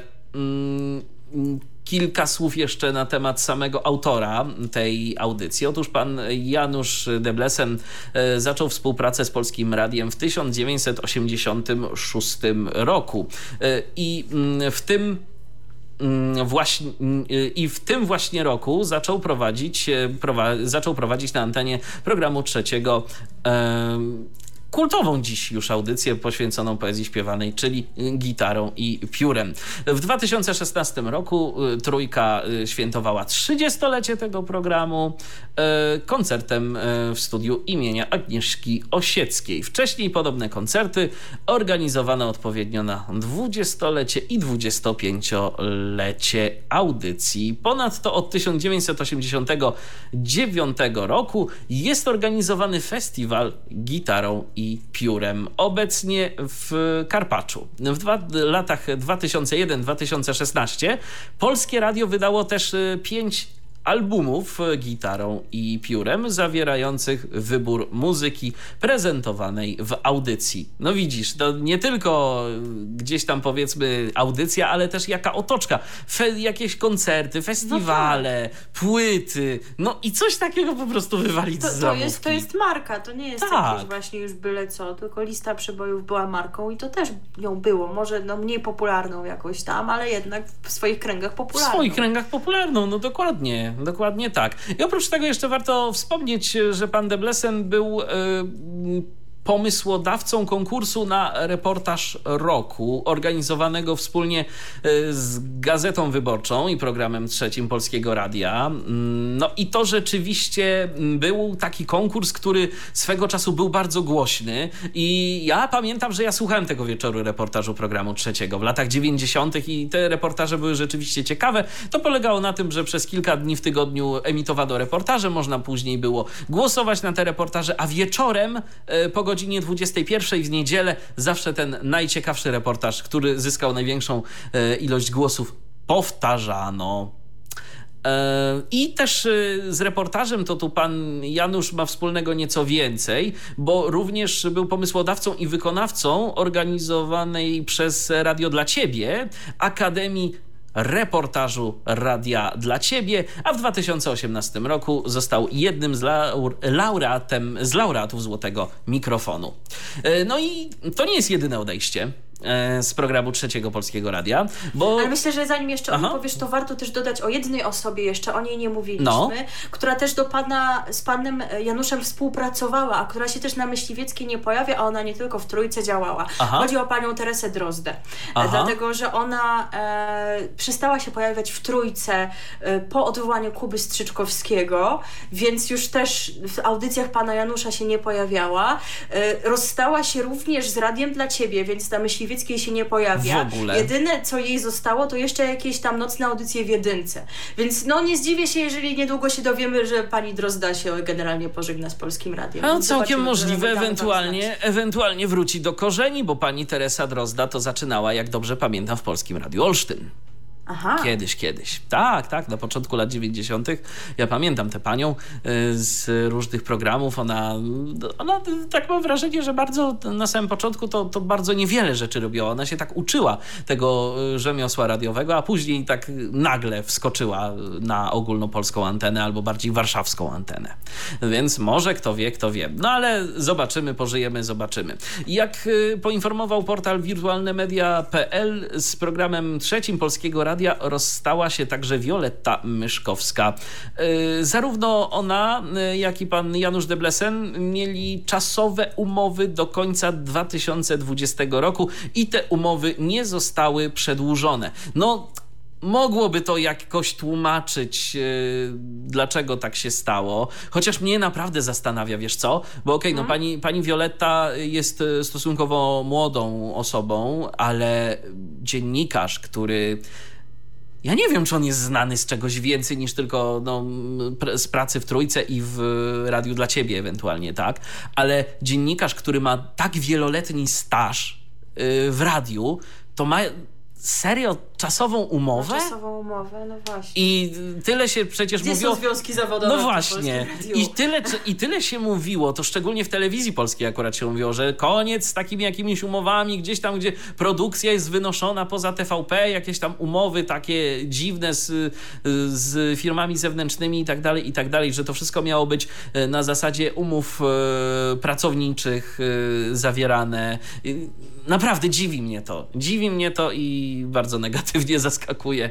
Y, a co do pani Violetty, mm, to y, z trójką była związana od września 2014 roku po wygraniu konkursu Grasz o Staż. Przygotowywała y, materiały reporterskie do ABC Popkultury i była wydawczynią Świata Żlotu Drozda. Obu audycji nie ma już na antenie, no więc to by tłumaczyło, dlaczego i pani Violetty również na antenie nie usłyszymy.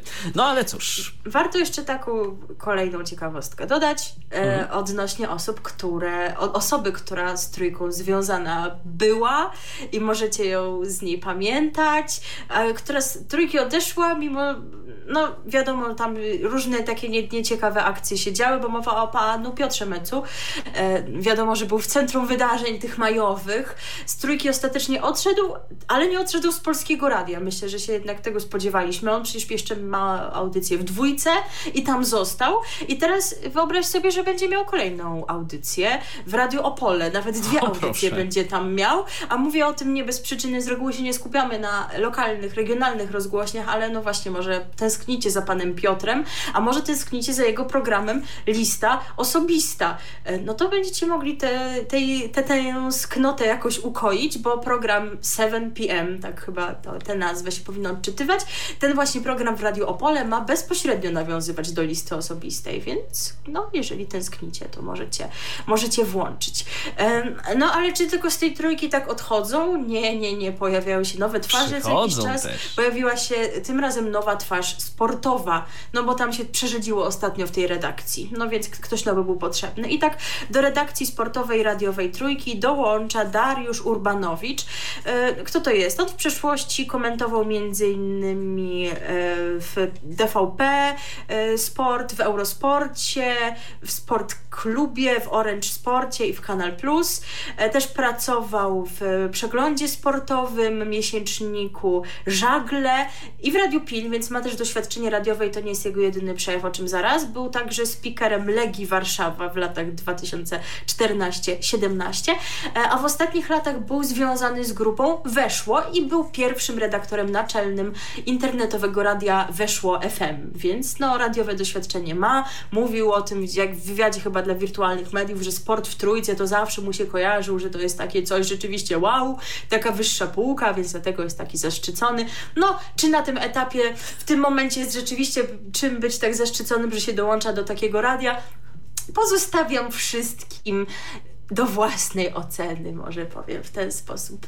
No to cóż nam pozostaje zagrać po tym wejściu, skoro był pan Deblesem i było o programie gitarą i piórem, no to wiadomo jaka piosenka się z tym kojarzy. Ten No tak. utwór, jego fragment zawsze brzmiał na początku audycji gitarą i piórem, a to oczywiście Wolna Grupa Bukowina i Sielanka o domu. Radio DHT. To jest cały czas program RTV na antenie Radia DHT, a w tym programie... Ha, ha, ha, halo, halo! Słuchajcie, wszyscy na to czekali po prostu z wypiekami na twarzy. Najbardziej to Michał, a on po prostu już odliczał czas do 1 stycznia, bo tak mu okazali na antenie. Tak. Chciał, na, chciał nam wieszać w studiu na ścianie jakiś taki zegar, co będzie do 1 stycznia odliczać. I powiedziałam, człowieku, daj spokój. No nie, no już bez, już bez przesady, już teraz to nie. No, ale, ale, jeszcze, ale jeszcze przyznaj, że jakiś czas temu to byśmy wspólnie odliczali. E, owszem, owszem, ale teraz to ja już nie odliczałam To już nie. też. Po prostu byłam ciekawa, co się tam wydarzy tego 1 stycznia.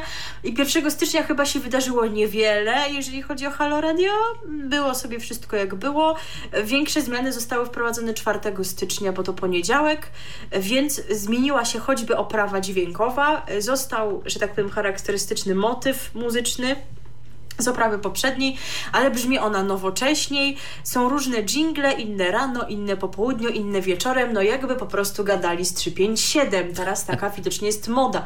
E, no ale są też inne wspaniałe zmiany, na przykład, no słuchajcie, nie pomyślelibyście jeszcze o tym kilka miesięcy temu, ci, którzy śledzili Halo Radio, że Halo Radio może wprowadzić cogodzinne wiadomości wraz z prognozą pogody. No nie? Naprawdę to się wydarzyło. Któż by o tym pomyślał? A to No jednak. serio. I czy to jeszcze cały czas jest ten format talk, o którym mówił Jakub Wątły? Mi się wydaje, że to mówił, bardziej już news and talk.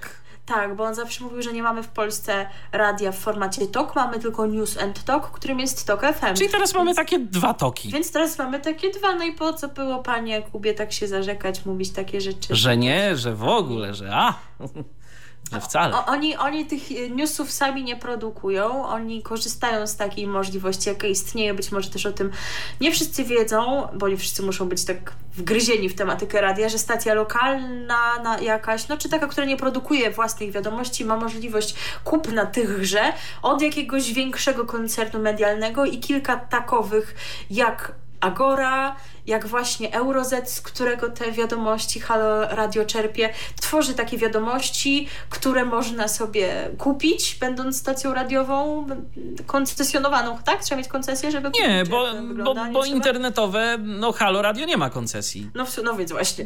To już odpowiedziałaś sobie sama na to No pytanie. tak, to, to Wy- Trzeba mieć pieniądze. udało. Trzeba mieć pieniądze. Te pieniądze to są tak od 5 czy tam 700 zł do 1500 500, to już w zależności od tego, jak tam się y, dana stacja rozlicza, bo na przykład niektóre rozliczają się w barterze, za reklamy mm, i tak dalej, i tak dalej, ale to są mniej więcej tego typu koszty. Jeszcze informacyjna agencja radiowa oferuje Tak, też tak, wiadomości. też miałam o tym to warto powiedzieć. wspomnieć. E, Ale to, to taka ciekawostka, jeżeli na przykład nie wiedzielibyście o co w tym chodzi, że dwie stacje radiowe, które, których słuchacie w tym samym czasie mają jakoś tak podobnie brzmiące wiadomości, żeby nie powiedzieć, że tak samo. I ten sam czyta, y, albo ta tak, sama czyta. I, I ta sama osoba je czyta, no to właśnie dlatego, że e, ci właściciele z tego samego źródła te wiadomości biorą.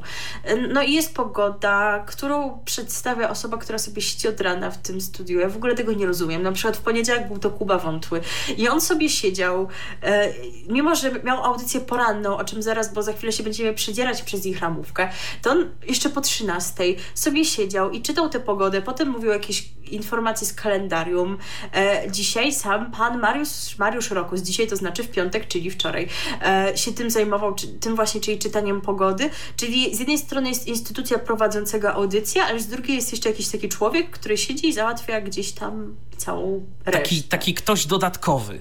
I to, i to jest dziwna Dziwne. strategia. Dziwna, dziwna Myślałam że, ona tylko pierwszego dnia, myślałam, że ona tylko pierwszego dnia będzie tak, wiecie, że tak idzie nowe, ale oni chyba tak jednak zawsze chcą, chcą robić. Trochę wiesz co, mam wrażenie, że może to y, mieć na celu nadanie takiej jakiejś nieco większej dynamiki mm, temu programowi. E, ale potem to bardzo skutecznie mm, no, bierze w łeb kiedy się pojawiają mm, prowadzący, no, którzy nie są jakoś tam y, specjalnie tacy żywi, tak? No to są po prostu ludzie, no nie są to radiowcy. mm, No, zazwyczaj. w większości, W nie większości. są. Są to specjaliści w swoich dziedzinach po Oczywiście. prostu. Plus jeszcze tam się zdarzają jakieś techniczne problemiki, jakieś dziury. No, dzi- dziury to tam, no szczególnie, czekaj, kiedy ja tego słuchałem? poniedziałek. W poniedziałek, tak. To tam, to tam dziur to było sporo. Dziur było sporo. Owszem. Owszem, e, no ale dobrze. Zapowiadano tak już od dłuższego czasu, kazano nam odliczać czas w tych spotach reklamowych. No to odliczaliśmy. No. E, No to Michał odliczał już tutaj, e, wa, wam wydałam, jaka była prawda, on się upiera, że tak nie było i kontrast będziecie wierzyć. E, I e, no czekaliśmy, że to się będzie wiązało z rzeczywiście nowymi programami, nowymi osobami na antenie. Czy takie są? Tak. Czy jest tutaj rewolucja? Otóż nie. Nie. Więc ja już to skomentowałam też poza anteną, że mam trochę takie skojarzenie z trójką, w tym sensie, że też ktoś przyszedł, chciał zrobić rewolucję, to znaczy powiedział, ja zrobię rewolucję, tylko że problem polega na tym, że nie miał kon- konkretnego na nią pomysłu, więc powprowadzał jakieś zmiany, które no owszem zmianami są, ale nie są zmianami jakimiś dużymi rewolucyjnymi, więc czy przyno, przyniosą wzrost znaczącej liczby słuchaczy, tego nie wiem. Jak wiemy, w trójce mamy odpływ. W Halo Radio też od dłuższego czasu mieliśmy odpływ patronów. Odpływ Czy teraz patronów po nowym i- roku coś się zmieni? Oj, nie wydaje mi się. Nie wydaje mi się i ten odpływ patronów jest taki dość stały, bo tam co miesiąc ubywa. No i mnie Tam już to... chyba teraz miesięczne wsparcie to jest około 7 tysięcy. Przecież zaraz będzie trzeba to zamykać. Nie no, tak serio to będzie trzeba poszukać innego źródła finansowania, ale na razie o tym cichutko. Dobrze, e, my, to znaczy ja akurat, ten konkretny fragment przygotowywałam i na podstawie tego, co znalazłam w aplikacji Halo Radia i w ich ramówce, e, plus tego, o czym pisał portal wirtualnymedia.pl, mniej więcej ogarnęłam to, jak ta ramówka wygląda, ale to jest bardzo mniej więcej, ponieważ nawet portal wirtualnymedia.pl wypisywał ją z taką dokładnością, że tego konkretnego dnia, w ten wtorek było to, w tę środę było to I myślę... tak dalej. I, i- czy to znaczy, że za tydzień będzie to samo? Nie wiadomo. I myślę, że już teraz można spokojnie powiedzieć, że tak naprawdę to kolejne osoby, bo jeszcze o tym nie wspominaliśmy, bo tak do końca nie byliśmy pewni, ale nie zostały te osoby uwzględnione w ramówce mm, Halo Radia, przynajmniej tej, którą, którą widzimy i nie wygląda na to, y, żeby miały się one pojawić. Y, Mi jest bardzo szkoda, że y, stracił program Wiktor Niedzicki. Oczywiście. W ogóle nie wiadomo kiedy, w sensie nie było jakiegoś Tak, nie, nie było, nie było sygnału, po prostu, po prostu, wypadł po prostu wypadł i koniec. Także Jerzy Bokłażec Tak. e, stracił swój program na antenie Haloradia. To były naprawdę, e, to, to, byli, to byli ludzie, którzy absolutnie przecież no, nie robili tam żadnych antenowych e, akcji. Oni robili swoje, przychodzili merytorycznie, zawsze przygotowani zarówno jeden, jak i drugi. E, robili swoje, opowiadali ciekawie. No pan Wiktor miał zawsze bardzo ciekawych gości. Jak po prostu ja do dziś pamiętam, jak y, przyprowadził tego jednego człowieka, który tam zaczął opowiadać o jakichś mrówkach. No po prostu to, to, to, to facet z takim zaangażowaniem opowiadał o tych jakichś tam kopcach i tak dalej, że, że naprawdę się tego fajnie słuchało, mimo tego, że jakoś niespecjalnie nigdy się interesowałem mrowiskami, ani kopcami termitów, ale, ale to, i to były naprawdę bardzo fajne rzeczy, bardzo fajne programy, bardzo wartościowi prowadzący. E, no niestety ich już na antenie Halo Radia nie usłyszymy. A kiedy w ogóle wypadła Marta Lempart? Bo też jakoś tak mam wrażenie, że to się po cichutku Tak, wydarzyło. tak jakoś właśnie tak jeszcze powtórki były parę razy. Były, były. Tak i to tak jakoś Po, tak. Podobnie w nowej ramówce nie uwzględniono przynajmniej na razie Marka Czyża, a przecież on mówił i pisał, że on nie ma powodu, żeby odejść. Mhm. E, no chyba, że to jest jeszcze jakaś chwilowa przerwa i on będzie, ale na razie nie ma jego nowych audycji. Być może teraz jeszcze o kimś zapomnieliśmy, może są jeszcze jakieś osoby, które odeszły.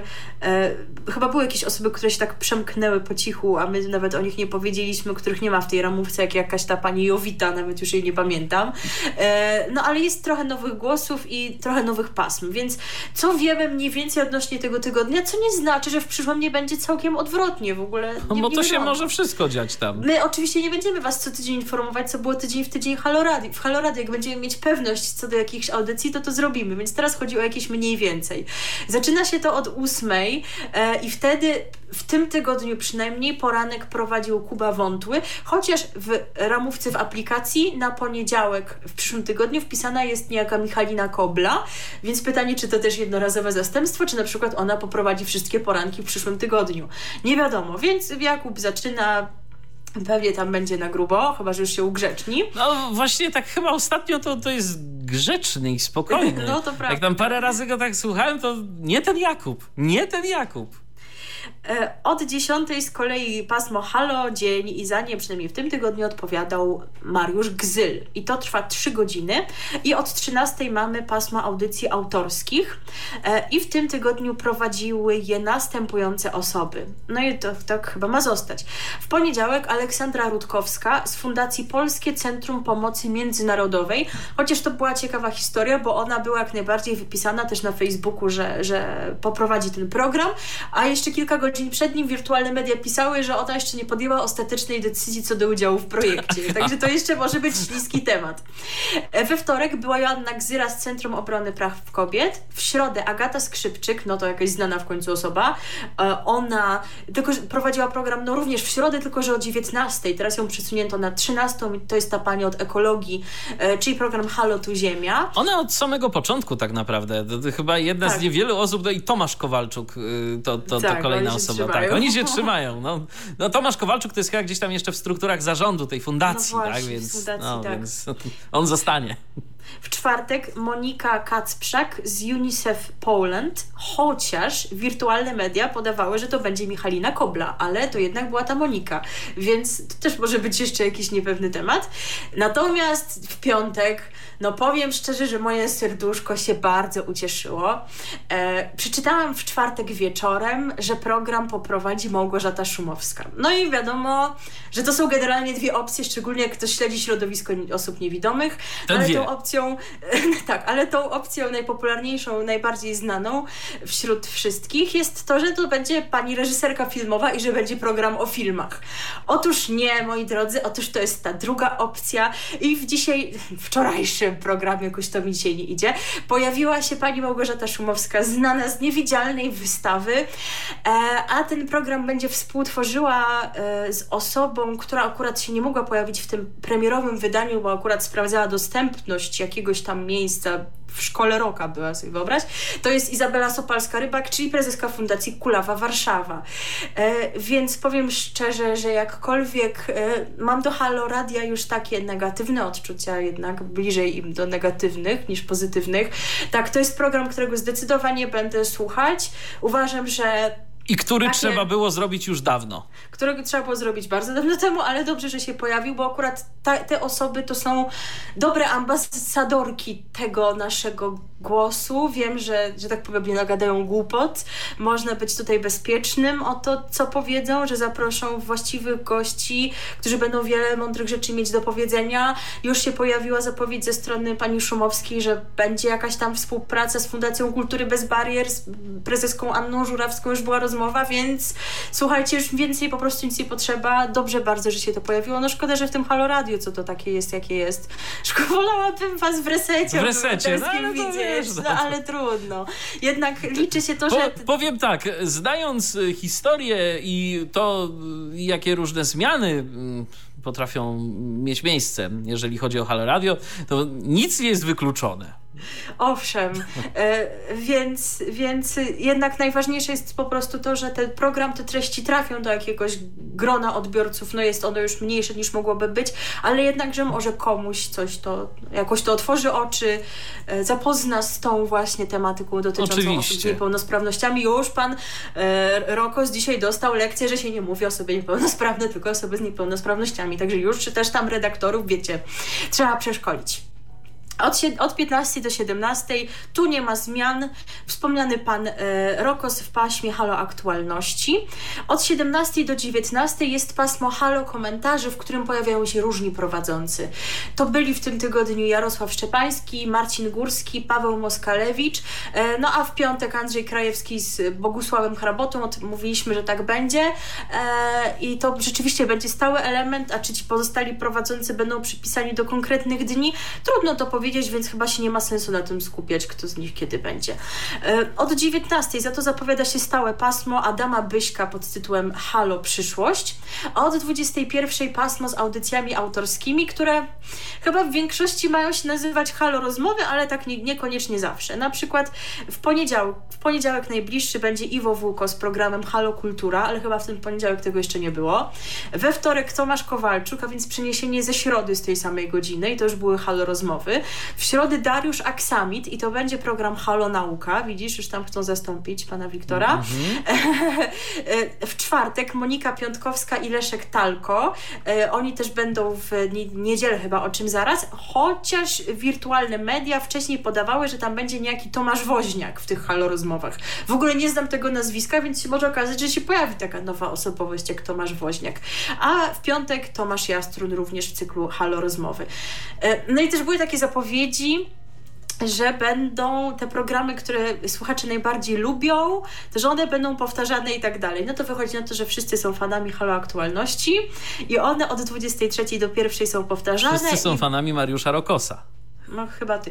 I mało tego, one są też powtarzane od 6 do 8 rano przed porankiem, więc po prostu można się tym nacieszyć. I podobnie chyba jest na przykład w sobotę, bo tam jest jakoś tak, że od 6 do 8 są halo aktualności te z piątku, a od 8 do 9 jest muzyczna przerwa, to jest normalnie jest muzyka napisana w ramówce, a od 9 zaczynają się programy. I co to będzie w tym tygodniu? Szybko przez to przebiegniemy. Od 9 Mariusz Rokos i Adam Piechowicz w cyklu Halo Rozmowy Ekstra. Nie wiem, czy to będzie stały element. O 11 Adam Bysiek, nie było napisane, jak ten cykl się ma nazywać. O 13 Marek Jóźwik, Halo Sport. To ten pan, co tam chyba z tego, z ka Kanal Plus gdzieś tam odszedł ostatnio, czy coś. O 15 Mariusz Gzyl, Halo Moto. No to ten program Też już od było. dawna jest. Tak. Od 17 Jarosław Szczepański, Halo Historia i o 19 Roman Mańka, a więc przeniesienie z wtorku, Halo Rozmowy. Rozmowy, tak jest. I w niedzielę o 9 Talko i Talko, czyli ta Monika i Leszek, Talko, e, w cyklu Halo, Halo Rodzina, o 11 Piotr Kaczyński, Halo Europa, o 13 Tomasz Kowalczuk, więc ten program tutaj był, tylko dostał nazwę, teraz wszystko Halo jest Credo. Halo coś tam, więc teraz to jest Halo Credo. O 15 Joanna Warecha, Halo za miastem. O 17 Marcin Górski, Halo Polska i Świat. O 19 Olga Paszkowska, Halo Psychę. I o 21 Monika Miszczak, Halo Zdrowie. Tak to wygląda. Czy tak będzie zawsze? Tego nie wie nikt. To A skoro... cóż, Mhm. no Coś jeszcze chciałeś dodać? tak, no, tak, tak po prostu chciałem, chciałem powiedzieć, że y, Niby jest, tego, niby jest tego więcej. Ta ramówka jest jakoś tak y, w miarę powiedzmy poukładana, ale czy to jest, y, czy, czy to jest jakaś rewolucja i czy to jest coś, co może przyciągnąć y, słuchaczy? Obawiam się, że nie, z jednego prostego powodu. Począ...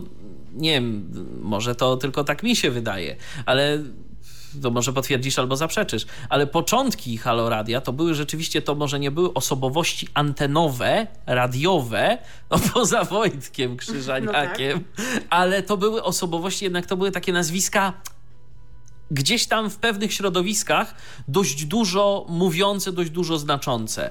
Y, nie, nie wszystkie może, ja nie wszystkich pewnie znałam. Ale więcej ale ich było. osób już tak, o ten będzie, a kojarzę jakieś tam, co Dokładnie. pisał, to fajnie. Dokładnie. A tutaj no poza tym, że się na panią Szumowską cieszyła, no tak. wiadomo, mamy tutaj Oczywiście. specyficzny przechył, no to... No to tak poza tym nie bardzo, nie bardzo. To tak, no, no kto, kto ma przyciągnąć hrabota w te piątki, no ale to to nie wystarczy, słuchajcie, no. E, ale tak, e, jako że sięgamy jeszcze trochę szerzej, e, też zahaczamy o YouTube'a, bo śledzimy przecież cały czas projekt, który powstał poniekąd na zgliszczach Haloradia, czyli Reset Obywatelski, który się rozwija i w którym są nowi prowadzący. Jeden program się pojawił już przed świętami, ale jakoś o nim zapomnieliśmy powiedzieć. To jest program y, Lewy Sierpowy niejakiego Macieja Rauchuta. To jest też nazwisko, które może Wam nic nie mówić, a jak Wam powiem, że ten człowiek ma 14 lat, no to już w ogóle, no możecie niektórzy się zdziwić bardzo. Otóż to jest ten młody człowiek z Krapkowic, który udostępnił był na Facebooku Facebooku ogłoszenie o strajku kobiet, o czarnym spacerze i w związku z tym miał policję w domu. I ja się trochę tego obawiałam, no bo wiecie, 14-letni człowiek może tam udostępnił, bo, bo coś tam może wie, ale nie do końca, albo no nie wiem, to jest modne czy coś, ale on już też był gościem Konrada Szołajskiego wcześniej w Resecie, i to jest naprawdę no, młody człowiek, który ma poukładane w głowie, który ogarnia te tematy, ma wiedzę, więc no w sumie fajnie, niech się próbuje w tym programie, czemu nie, skoro jest taka okazja. Emisja w każdy czwartek po 18, a tytuł to Lewy Sierpowy. E, no i mamy też nowości, które wchodzą po nowym roku, już w zasadzie weszły dwie z nich. E, zapowiedź tych nowości miała miejsce na takim live, który się odbył 1 stycznia, gdzie już redaktorzy obecni wcześniej w resecie poskładali życzenia i pojawili się nowi. E, no i tak będziemy z biegiem tygodnia mówić. We wtorek wtorek postać znana z Haloradia, odeszła teraz z Onetu, więc no, będzie się skupiała na innych projektach. Po 21 w programie Porówno Karolina Rogaska. Tego programu jeszcze nie było, będzie miał premierę w najbliższy wtorek. Z kolei w piątki ten program miał premierę wczoraj, uf, nie pomyliłam się, o 17 Jan Hartman w programie Mondrale. No to chyba będzie coś takiego nawiązującego do tego jego programu w Halo Radio, tam była filozofia życia, więc tutaj też chyba będzie zapraszał jakieś takie osoby określane przez niego mianem intelektualistów, pewnie jakichś tam filozofów i z nimi będzie gadał. Zdecydowanie, okay. ja, tak, tak jak mówię, zdecydowanie bardziej wolę słuchać y, pana Hartmana niż go czytać. No właśnie, Więc... niech, roz, niech rozmawia z tymi tak. ludźmi, nie popada w te swoje dziwne rozważania, bo to prowadzi do niebezpiecznych Owszem. wniosków. E, no i mamy dwie nowości niedzielne, z których pierwsza już zadebiutowała w minioną niedzielę. To jest Sexpress z Pontonem. E, grupa Ponton, czyli grupa edukatorów seksualnych. W niedzielę po godzinie 17 ten program miał premierę e, już w zeszłym tygodniu i będą prowadzić go różni prowadzący związani z grupą Ponton. W zeszłym tygodniu była to na przykład Patrycja Wonatowska, nie wiemy kto będzie teraz, a w tę niedzielę, godzinę później, po 18 będzie miał e, premierę program e, politologa Dominika Kwiatkowskiego. Tytuł to Każdy jest ważny. No jeszcze nie wiemy czego się możemy spodziewać, więc myślę, że będziemy słuchać. Tak jest. Brzmi ciekawie. Ja do resetu obywatelskiego to mam tylko jedno, jedną prośbę, żeby tam po prostu ogarnąć technologię, bo czasem jest tak, że prowadzącego gorzej słychać niż gości. To prawda. Tak, tak. No ale no, nie mamy piosenki o resecie, bo jednak to Halo było naszym głównym tematem i mamy taki utwór, o którym chyba zapomnieliśmy trochę, że on istnieje. Trochę zapomnieliśmy, ale, ale teraz sobie przypomnimy sobie i wam. Tak. Tak, to będzie zespół Sex Bomba.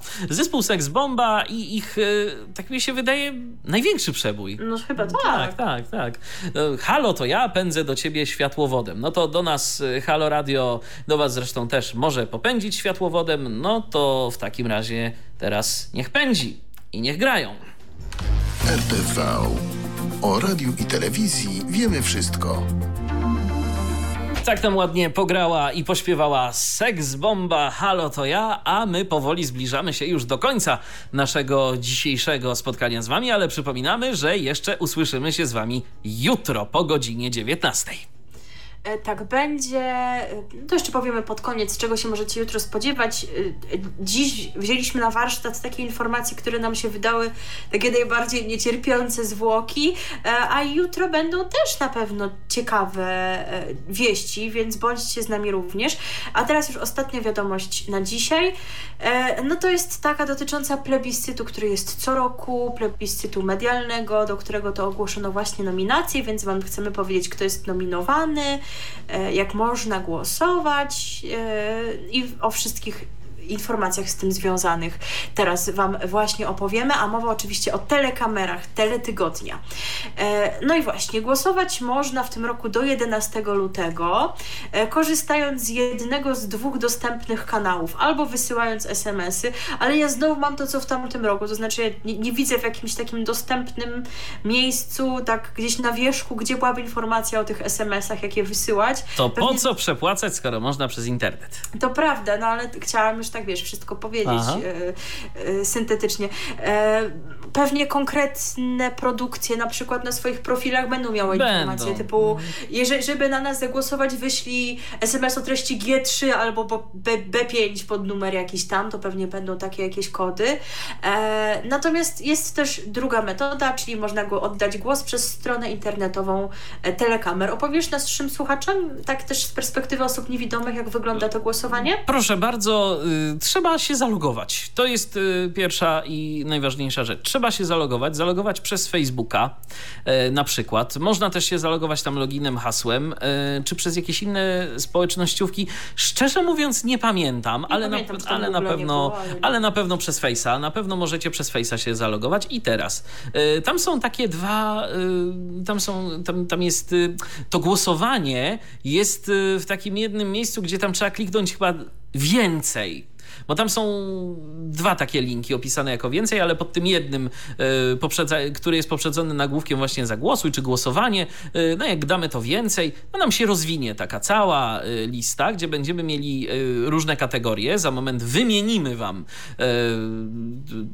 na kogo możecie w danych kategoriach głosować. Natomiast ważna rzecz, głosujemy na jedną kategorię naraz. To znaczy, wybieramy sobie y, daną osobę albo dane, dany tytuł z danej kategorii i kiedy naciśniemy na nim klawisz Enter, to w tym momencie mm, pojawi nam się poniżej przycisk, który po prostu trzeba Y, aktywować. I w tym momencie oddajemy głos. Także tak to działa. To jest takie trochę być może skomplikowane, ale nie jest to na pewno w żaden sposób niedostępne dla nas. Y, ja bez problemu byłem w stanie z komputera, y, z przeglądarki Chrome pod kontrolą czytnika ekranu NVDA ten głos oddać. Nie sprawdzałem na innych platformach, no bo no nie miałem za bardzo nawet jak tego zrobić, ale na pewno w tej konfiguracji jest ten głos możliwy do oddania.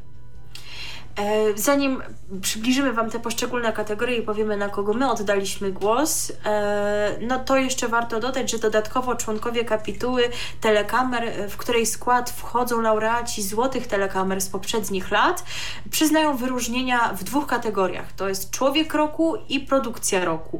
No, no i pewnie jeszcze jakieś złote telekamery będą, prawda? Zawsze tak było, pewnie że tak. te osoby, które otrzymały trzy telekamery takie, że tak powiem zwykłe, to im się już wtedy należała Ta złota telekamera. Mhm i potem już nie mogły być nominowane te osoby czy te produkcje, żeby dać szansę innym. E, no właśnie, i z telekamerami było tak, że przecież kiedyś oglądaliśmy je w dwójce, to znaczy to wręczenie nagród, potem gdzieś się to tam przeniosło do internetu. W zeszłym roku, po chyba trzech latach, mieliśmy powrót do telewizji, do telewizji Puls.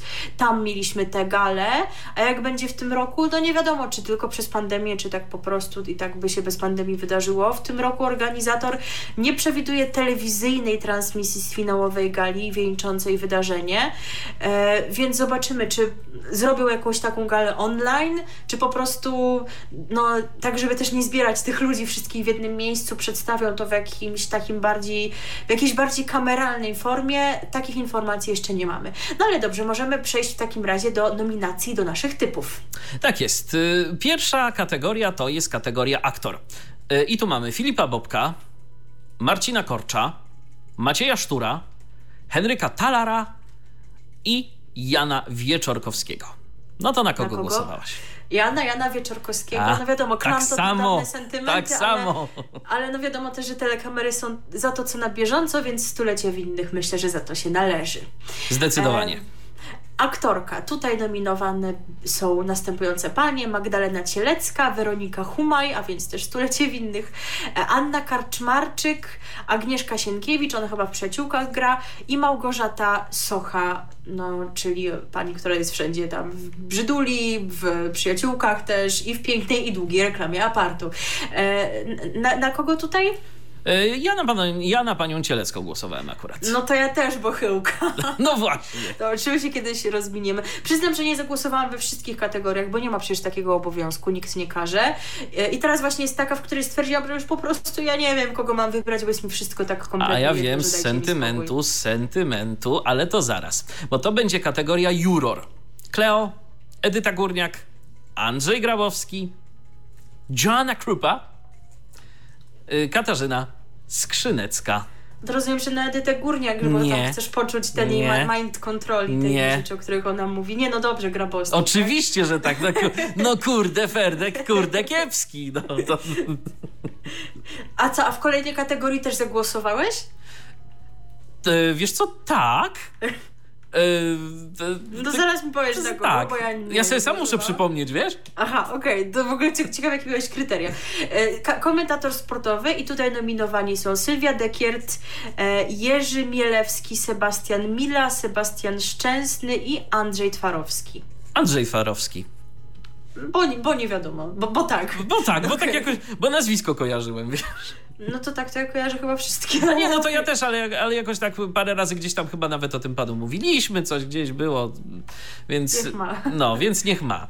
Osobowość telewizyjna. Rafał Brzozowski, Katarzyna Dowbor, Karolina Gilon, Przemek Kosakowski, Ida Nowakowska. I, Marcin Prokop. Tak. Tutaj więcej niż w poprzednich kategoriach. E, No to u mnie absolutnie. Wie, wiem, że powinien być Rafał Brzozowski, bo jest osobowością telewizji. Chociaż nie, Ida Nowakowska teraz jest tak absolutnie po prostu wszędzie. Wszędzie. Ona jest nowym Rafałem Brzozowskim. Ale za wspaniały, mój ulubiony program z zeszłego roku, czyli Down the Road, absolutnie Przemek Kosakowski. Również. No widzicie, tak to jest. Taka, I taka to jest współpraca w tym programie. Tak naszym, jest. Słuchajcie. Prezenter informacji. Tutaj nominowani są Grzegorz Dobiecki, Piotr Kraśko, e, Rafał Patyra, Bogdan Rymanowski i Tomasz Wolny. Kto twoim wyborem? Piotr Kraśko. No moim także, bo e, no o ile wcześniej to mi było tak wszystko jedno, to jak on szczególnie przeszedł do tych faktów, to może niekoniecznie za te fakty, ale za fakty po faktach w szczególności, bo on umie rozmawiać z tymi politykami, szczególnie z tej Solidarnej Polski. I rzeczywiście często widzę w mediach społecznościowych takie głosy, że o, dzisiaj Kraśko prowadzi, o, ależ Kraśko tam ciśnie po tym i tym polityku, więc on rzeczywiście, i oglądałam te wywiady, żeby nie było nie wszystkie, ale kilka, więc on, on rzeczywiście umie to robić, umie z nimi rozmawiać. No i słynny wywiad z Dziwiszem, ale to nie byłeś. Ale to na szczęście nie byłem ja, dokładnie, dokładnie. I, i, i to nie jest rodzina żadna, absolutnie. Gdyby kto pytał. E, na całe szczęście. Więc, e, wie, więc to tak. E, powiem szczerze, za ten wywiad również e, gdzieś tam moje uznanie pan Piotr zyskał. Natomiast, no, no tak poza tym po prostu doświadczony dziennikarz i to dziennikarz, który naprawdę potrafi, wiesz, niewiele jest takich osób, które potrafią docisnąć swojego rozmówcę, ale potrafią to zrobić w sposób naprawdę kulturalny. No, więc, y, więc to jest coś, co rzeczywiście y, no, należy, myślę, docenić. Prezenter pogody. Ja tutaj nie oddam głosu. E, To mi jest wszystko po prostu jedno. Celestyna Grzebyta. W ogóle kto to jest? Nie wiem, Tak, no, prezenterka tak pogody. nazywać. Dziękuję. Dziękuję bardzo za odpowiedź. Serio. Bartek Jędrzejak, Marzena Kawa, Paulina Sykut-Jerzyna, Tomasz Zubilewicz i ja na tego pana oddałem głos, bo jego kojarzę. No jeszcze panią, panią Paulinę kojarzę też skądś tam. Z jakiejś informacji. Celestyny Grzyby. Nie, nie kojarzę pani Celestyny, przepraszam bardzo, jestem e, niedoedukowany w kwestii e, A mediów. program o mediach. A program o mediach robi, Trzeba, tak. trzeba nas stąd wyrzucić. Program rozrywkowy. Hotel Paradise. Kabaret na żywo, klinika sketchów męczących, nasz nowy dom, sanatorium miłości, czy też może The Voice Senior, a może Top Model, Top Model. Co wybrałeś? Hotel Paradise oczywiście. A tutaj mamy rozbieżność. Pewnie spodziewacie się, że wybrałam Voice Senior jako miłośniczka tych wszystkich programów wokalnych, ale nie. Dlatego, że ten program trochę mnie rozczarował. No teraz dopiero zaczęła druga edycja i trochę widzę, że jest podobnie. To znaczy jego poziom jest taki troszkę słaby. Znaczy oczywiście rozumiem wszystko, że, że, że te głosy u starszych osób niekoniecznie zostają w tej formie takiej najlepszej z młodych lat, ale oglądałam edycje zagraniczne i nie wiem, może można było nas wybrać jakieś lepsze osoby. Też formą ten program jest taki strasznie przegadany, jego można po prostu wycisnąć, chyba by było w 15 minut. Więc program z podobnej grupy, bo też adresowany do seniorów, czyli już wiadomo co. Za wykreowanie wspaniałych postaci, tak jak chociażby w minionym sezonie pani Wiesia, Sanatorium Miłości. Okej, no i mamy kolejną kategorię. Mamy kategorię serial. Brzydula, leśniczówka, ludzie i bogowie, przyjaciółki, stulecie winnych i szać. No chyba wiadomo na co, chociaż nie, no, mo- zask- czy zaskoczysz mnie czymś? No, Stulecie oczywiście winnych. Stulecie winnych, bo ludzie i bogowie mi jakoś nie przypadli do gustu. O Brzyduli już mówiłam, jak ktoś mi chce powiedzieć, kim jest Nadia z Brzyduli, to ja cały czas czekam, bo od Sylwestra się nie, doczekałam żadnych wiadomości. Wiem, mogę poszukać w Google, ale słuchacze też są fajni, myślę, że mogę na Może nich coś podpowiedzą, oczywiście. Tak. Kolejna, tak, kolejna. No tak, tak, Nie. tak. Nie, no Serial proszę bardzo. Serial fabularno-dokumentalny i tutaj nominowane są następujące produkcje. Gliniarze, Kasta, kasta, kasta, rodzinny interes, rozwód, walka o wszystko, sprawiedliwi, wydział kryminalny. I przyznam, że no, poza tym, że na kastę rzuciłam okiem i tak tam średnio mi to, to tych pozostałych rzeczy nie oglądałam, więc nie jestem w stanie ocenić czegoś, czego nie oglądałam. Ten rozwód, walka o wszystko w końcu muszę obejrzeć, ale na ten moment nie byłam w stanie oddać głosu. No ja zagłosowałem na kastę, kastę, kastę, tyle o tym mówiliśmy. Podobała ci się? Nie, ale nic innego nie. Aha, to wspaniale. No ale czekaj, ale to by- był jeszcze ten rodzinny interes, to oglądałeś przecież. No tak. To, to, to nie, nie, Nie, jakoś, już. jakoś powiem szczerze, jakoś powiem szczerze nie. E, I ostatnia kategoria to jest kategoria specjalna. A, kategoria specjalna, yy, nagroda magazynu Netfilm.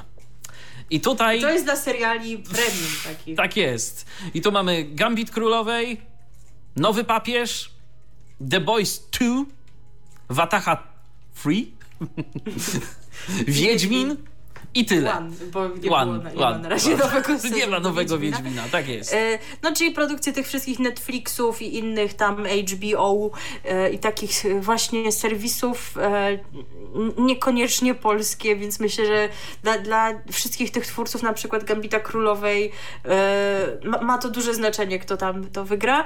E, ja też, no znów tutaj nie oglądałam tych produkcji po Ja prostu. też nie oglądałem. Ponoć Nowy Papież jest ciekawy, więc zagłosowałem. No a z kolei moi znajomi z internetu wszyscy po prostu Gambit Królowej, Gambit Królowej. Wszyscy w szachy teraz chcą grać. E, więc, no, ale gdybym miała wybrać na podstawie innych kryteriów niż e, warstwa filmowa, której nie widziałam, no to jednak to by był Wiedźmin. I to już taka zapowiedź, to czym zakończymy nasz program, bo to będzie właśnie piosenka z Wiedźmina, chociaż tak też rozmawialiśmy poza anteną, że ja nie rozumiem, dlaczego on jest nominowany teraz, bo przecież ten sezon, Oczywiście. wleciał na Netflixa w grudniu 2019 roku, więc nominacja powinna być chyba w 2020.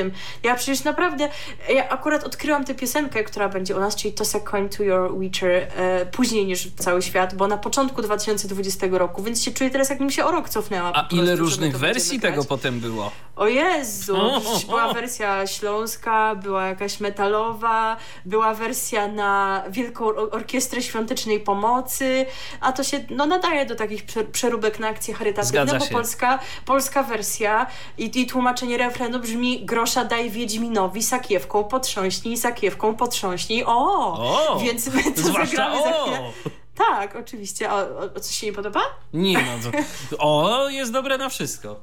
Więc my to za chwilę zagramy w wersji zagranicznej, anglojęzycznej, czyli Toss a coin to your Witcher. Yy, powiedziałam, że jeszcze pokrótce zapowiemy, co będzie u nas w niedzielę, żeby tak was zachęcić. No to będzie na przykład o nowym programie telewizyjnej dwójki o metamorfozach. Będzie na przykład o nowych inaczej, o serialach e, znanych z playera, których zajawki będzie można w głównym TVN-ie obejrzeć. Aha. Będzie mowa o końcu pewnej produkcji TVN-u na przykład. Będzie o nowym kanale z bardzo ciekawą treścią. Z serialami różnymi, interesującymi. Różnymi. O. Będzie o konkursie, e, jaki zostaje, e, jaki no za jakiś czas pewnie będzie rozstrzygnięty dotyczącym nadawania na multiplexie pierwszym. To już możemy zapowiedzieć, bo już wiemy, kto tam się zgłosił, jacy nadawcy chcą nadawać. Ja opowiem, jacy to są nadawcy, a Michał wybierze zwycięzcę. No, będzie. To... to będą atrakcje, to nie jest w ogóle wiążąca decyzja dla nikogo, a potem, a potem jak się, A potem jak się okaże, że wiesz, że ja wybiorę tego, kto faktycznie wygra, to się zaczną plotki. że masz tam jakieś... Tak jest. Mo może się znasz na przykład z prezesem Jackiem i prezeską Agnieszką. E, co, co tam jeszcze będzie? No będzie na przykład o nowej ramówce Radia Tok FM, która od stycznia weszła, o nowym programie w łódzkim eterze cyfrowym. E, no i coś jeszcze na pewno będzie, o czym, o czym zapomniałam, ale... A może jeszcze coś w międzyczasie dojdzie. Może jeszcze Dokładnie. coś w międzyczasie dojdzie, no bo w końcu my mamy jeszcze cały dzień na przygotowanie tego dla Was, ale na pewno wiemy, że warto nas słuchać po godzinie 19 po programie Magdaleny Rutkowskiej. Pozytywnik. Ale programu Magdaleny Rutkowskiej też, też warto. Słuchać. My w ogóle za zachęcamy Was, żebyście skoro świt, to znaczy no zależy od tego, co uznajecie za skoro świt, ale żebyście tam sobie faktycznie już tak rano włączyli radio DHT i zostali z nami do późnych godzin nocnych, bo na pewno warto, bo przecież po nas będzie, y, jeżeli wszystko, mm, y, wszystko nam zagra tak jak trzeba, to będzie kolejna audycja o tematach trudnych, y, czyli audycja Łukasza Kapuścińskiego Łamiemy Tabu, więc też warto słuchać. No, niedziela, y, dużo słowa. Dużo słowa, y, czasem mam wrażenie, dużo że... Słów. dużo słów, tak, dużo słów. Dużo e, sensu też. To, to, to, jest taki hermetyczny żart, którego nie pojmiecie, nieważne. E, I miałam jeszcze dodać, że, e, że nie rozumiem na przykład, dlaczego do nas nie piszą ci słuchacze, tacy jak ma prezes Jacek ma widzów, takich, którzy mają, wiesz, specjalne życzenia i na przykład dlaczego nie macie specjalnych życzeń, żebyśmy jakiejś tam porze dnia powtórzyli RTV. Oczywiście ono jest na Mixcloudzie, jest na Tyflo Podcaście bez muzyki, ale no produkcje TV, TVP też są w TVP VOD, więc to w ogóle nie przeszkadza. Także jak na przykład byście chcieli, żebyśmy powtórzyli RTV o drugiej w nocy na specjalne życzenie słuchaczy, no to wiecie, to To dawajcie znać, ale ja mam po prostu takie wrażenie, że my mamy bardziej y, słuchaczy zżytych z technologią i oni wiedzą, że mogą sobie na przykład takie RTV włączyć sami. Nie muszą się o nas prosić y, o nic, tylko wystarczy, że po prostu wejdą sobie na Mixclouda, wejdą sobie na Tyflo Podcast, wejdą na Tyflo Podcastowego YouTube'a, klikną gdzie trzeba, włączą co trzeba i im gra. A jeżeli nie chcą słowa, a chcą muzyki, chcą przebojów trzech pokoleń, no to włączają sobie strumień Radio DHT i mają. I tak to właśnie jest. I z tym akcentem kończymy 104. wydanie programu RTV, w którym byli z Wami Michał Dziwisz i Milena Wiśniewska. A na koniec Jaskier, bo to taka postać z Wiedźmina tak. śpiewa ten utwór o daniu grosza i potrząsaniu sakiewką, czyli to Secoin to Your Witcher, a w wydaniu 105 widzimy się, przypomnijmy, jutro po godzinie 19. Słuchacie Radia DHT. Zapraszamy na naszą stronę na Facebooku facebook.com ukośnik Radio DHT. Co jest w telewizji grane? O czym radia szumią fale? Jeśli wiedzieć będziesz chciał, włącz po prostu RTV. W każdą sobotę od 16 na antenie Radia DHT o aktualnych wydarzeniach związanych z radiem i telewizją opowiedzą Milena Wiśniewska i Michał Dziwisz. Był to Tyflo Podcast. Pierwszy polski podcast dla niewidomych i słabowidzących. Program współfinansowany ze środków Państwowego Funduszu Rehabilitacji Osób Niepełnosprawnych.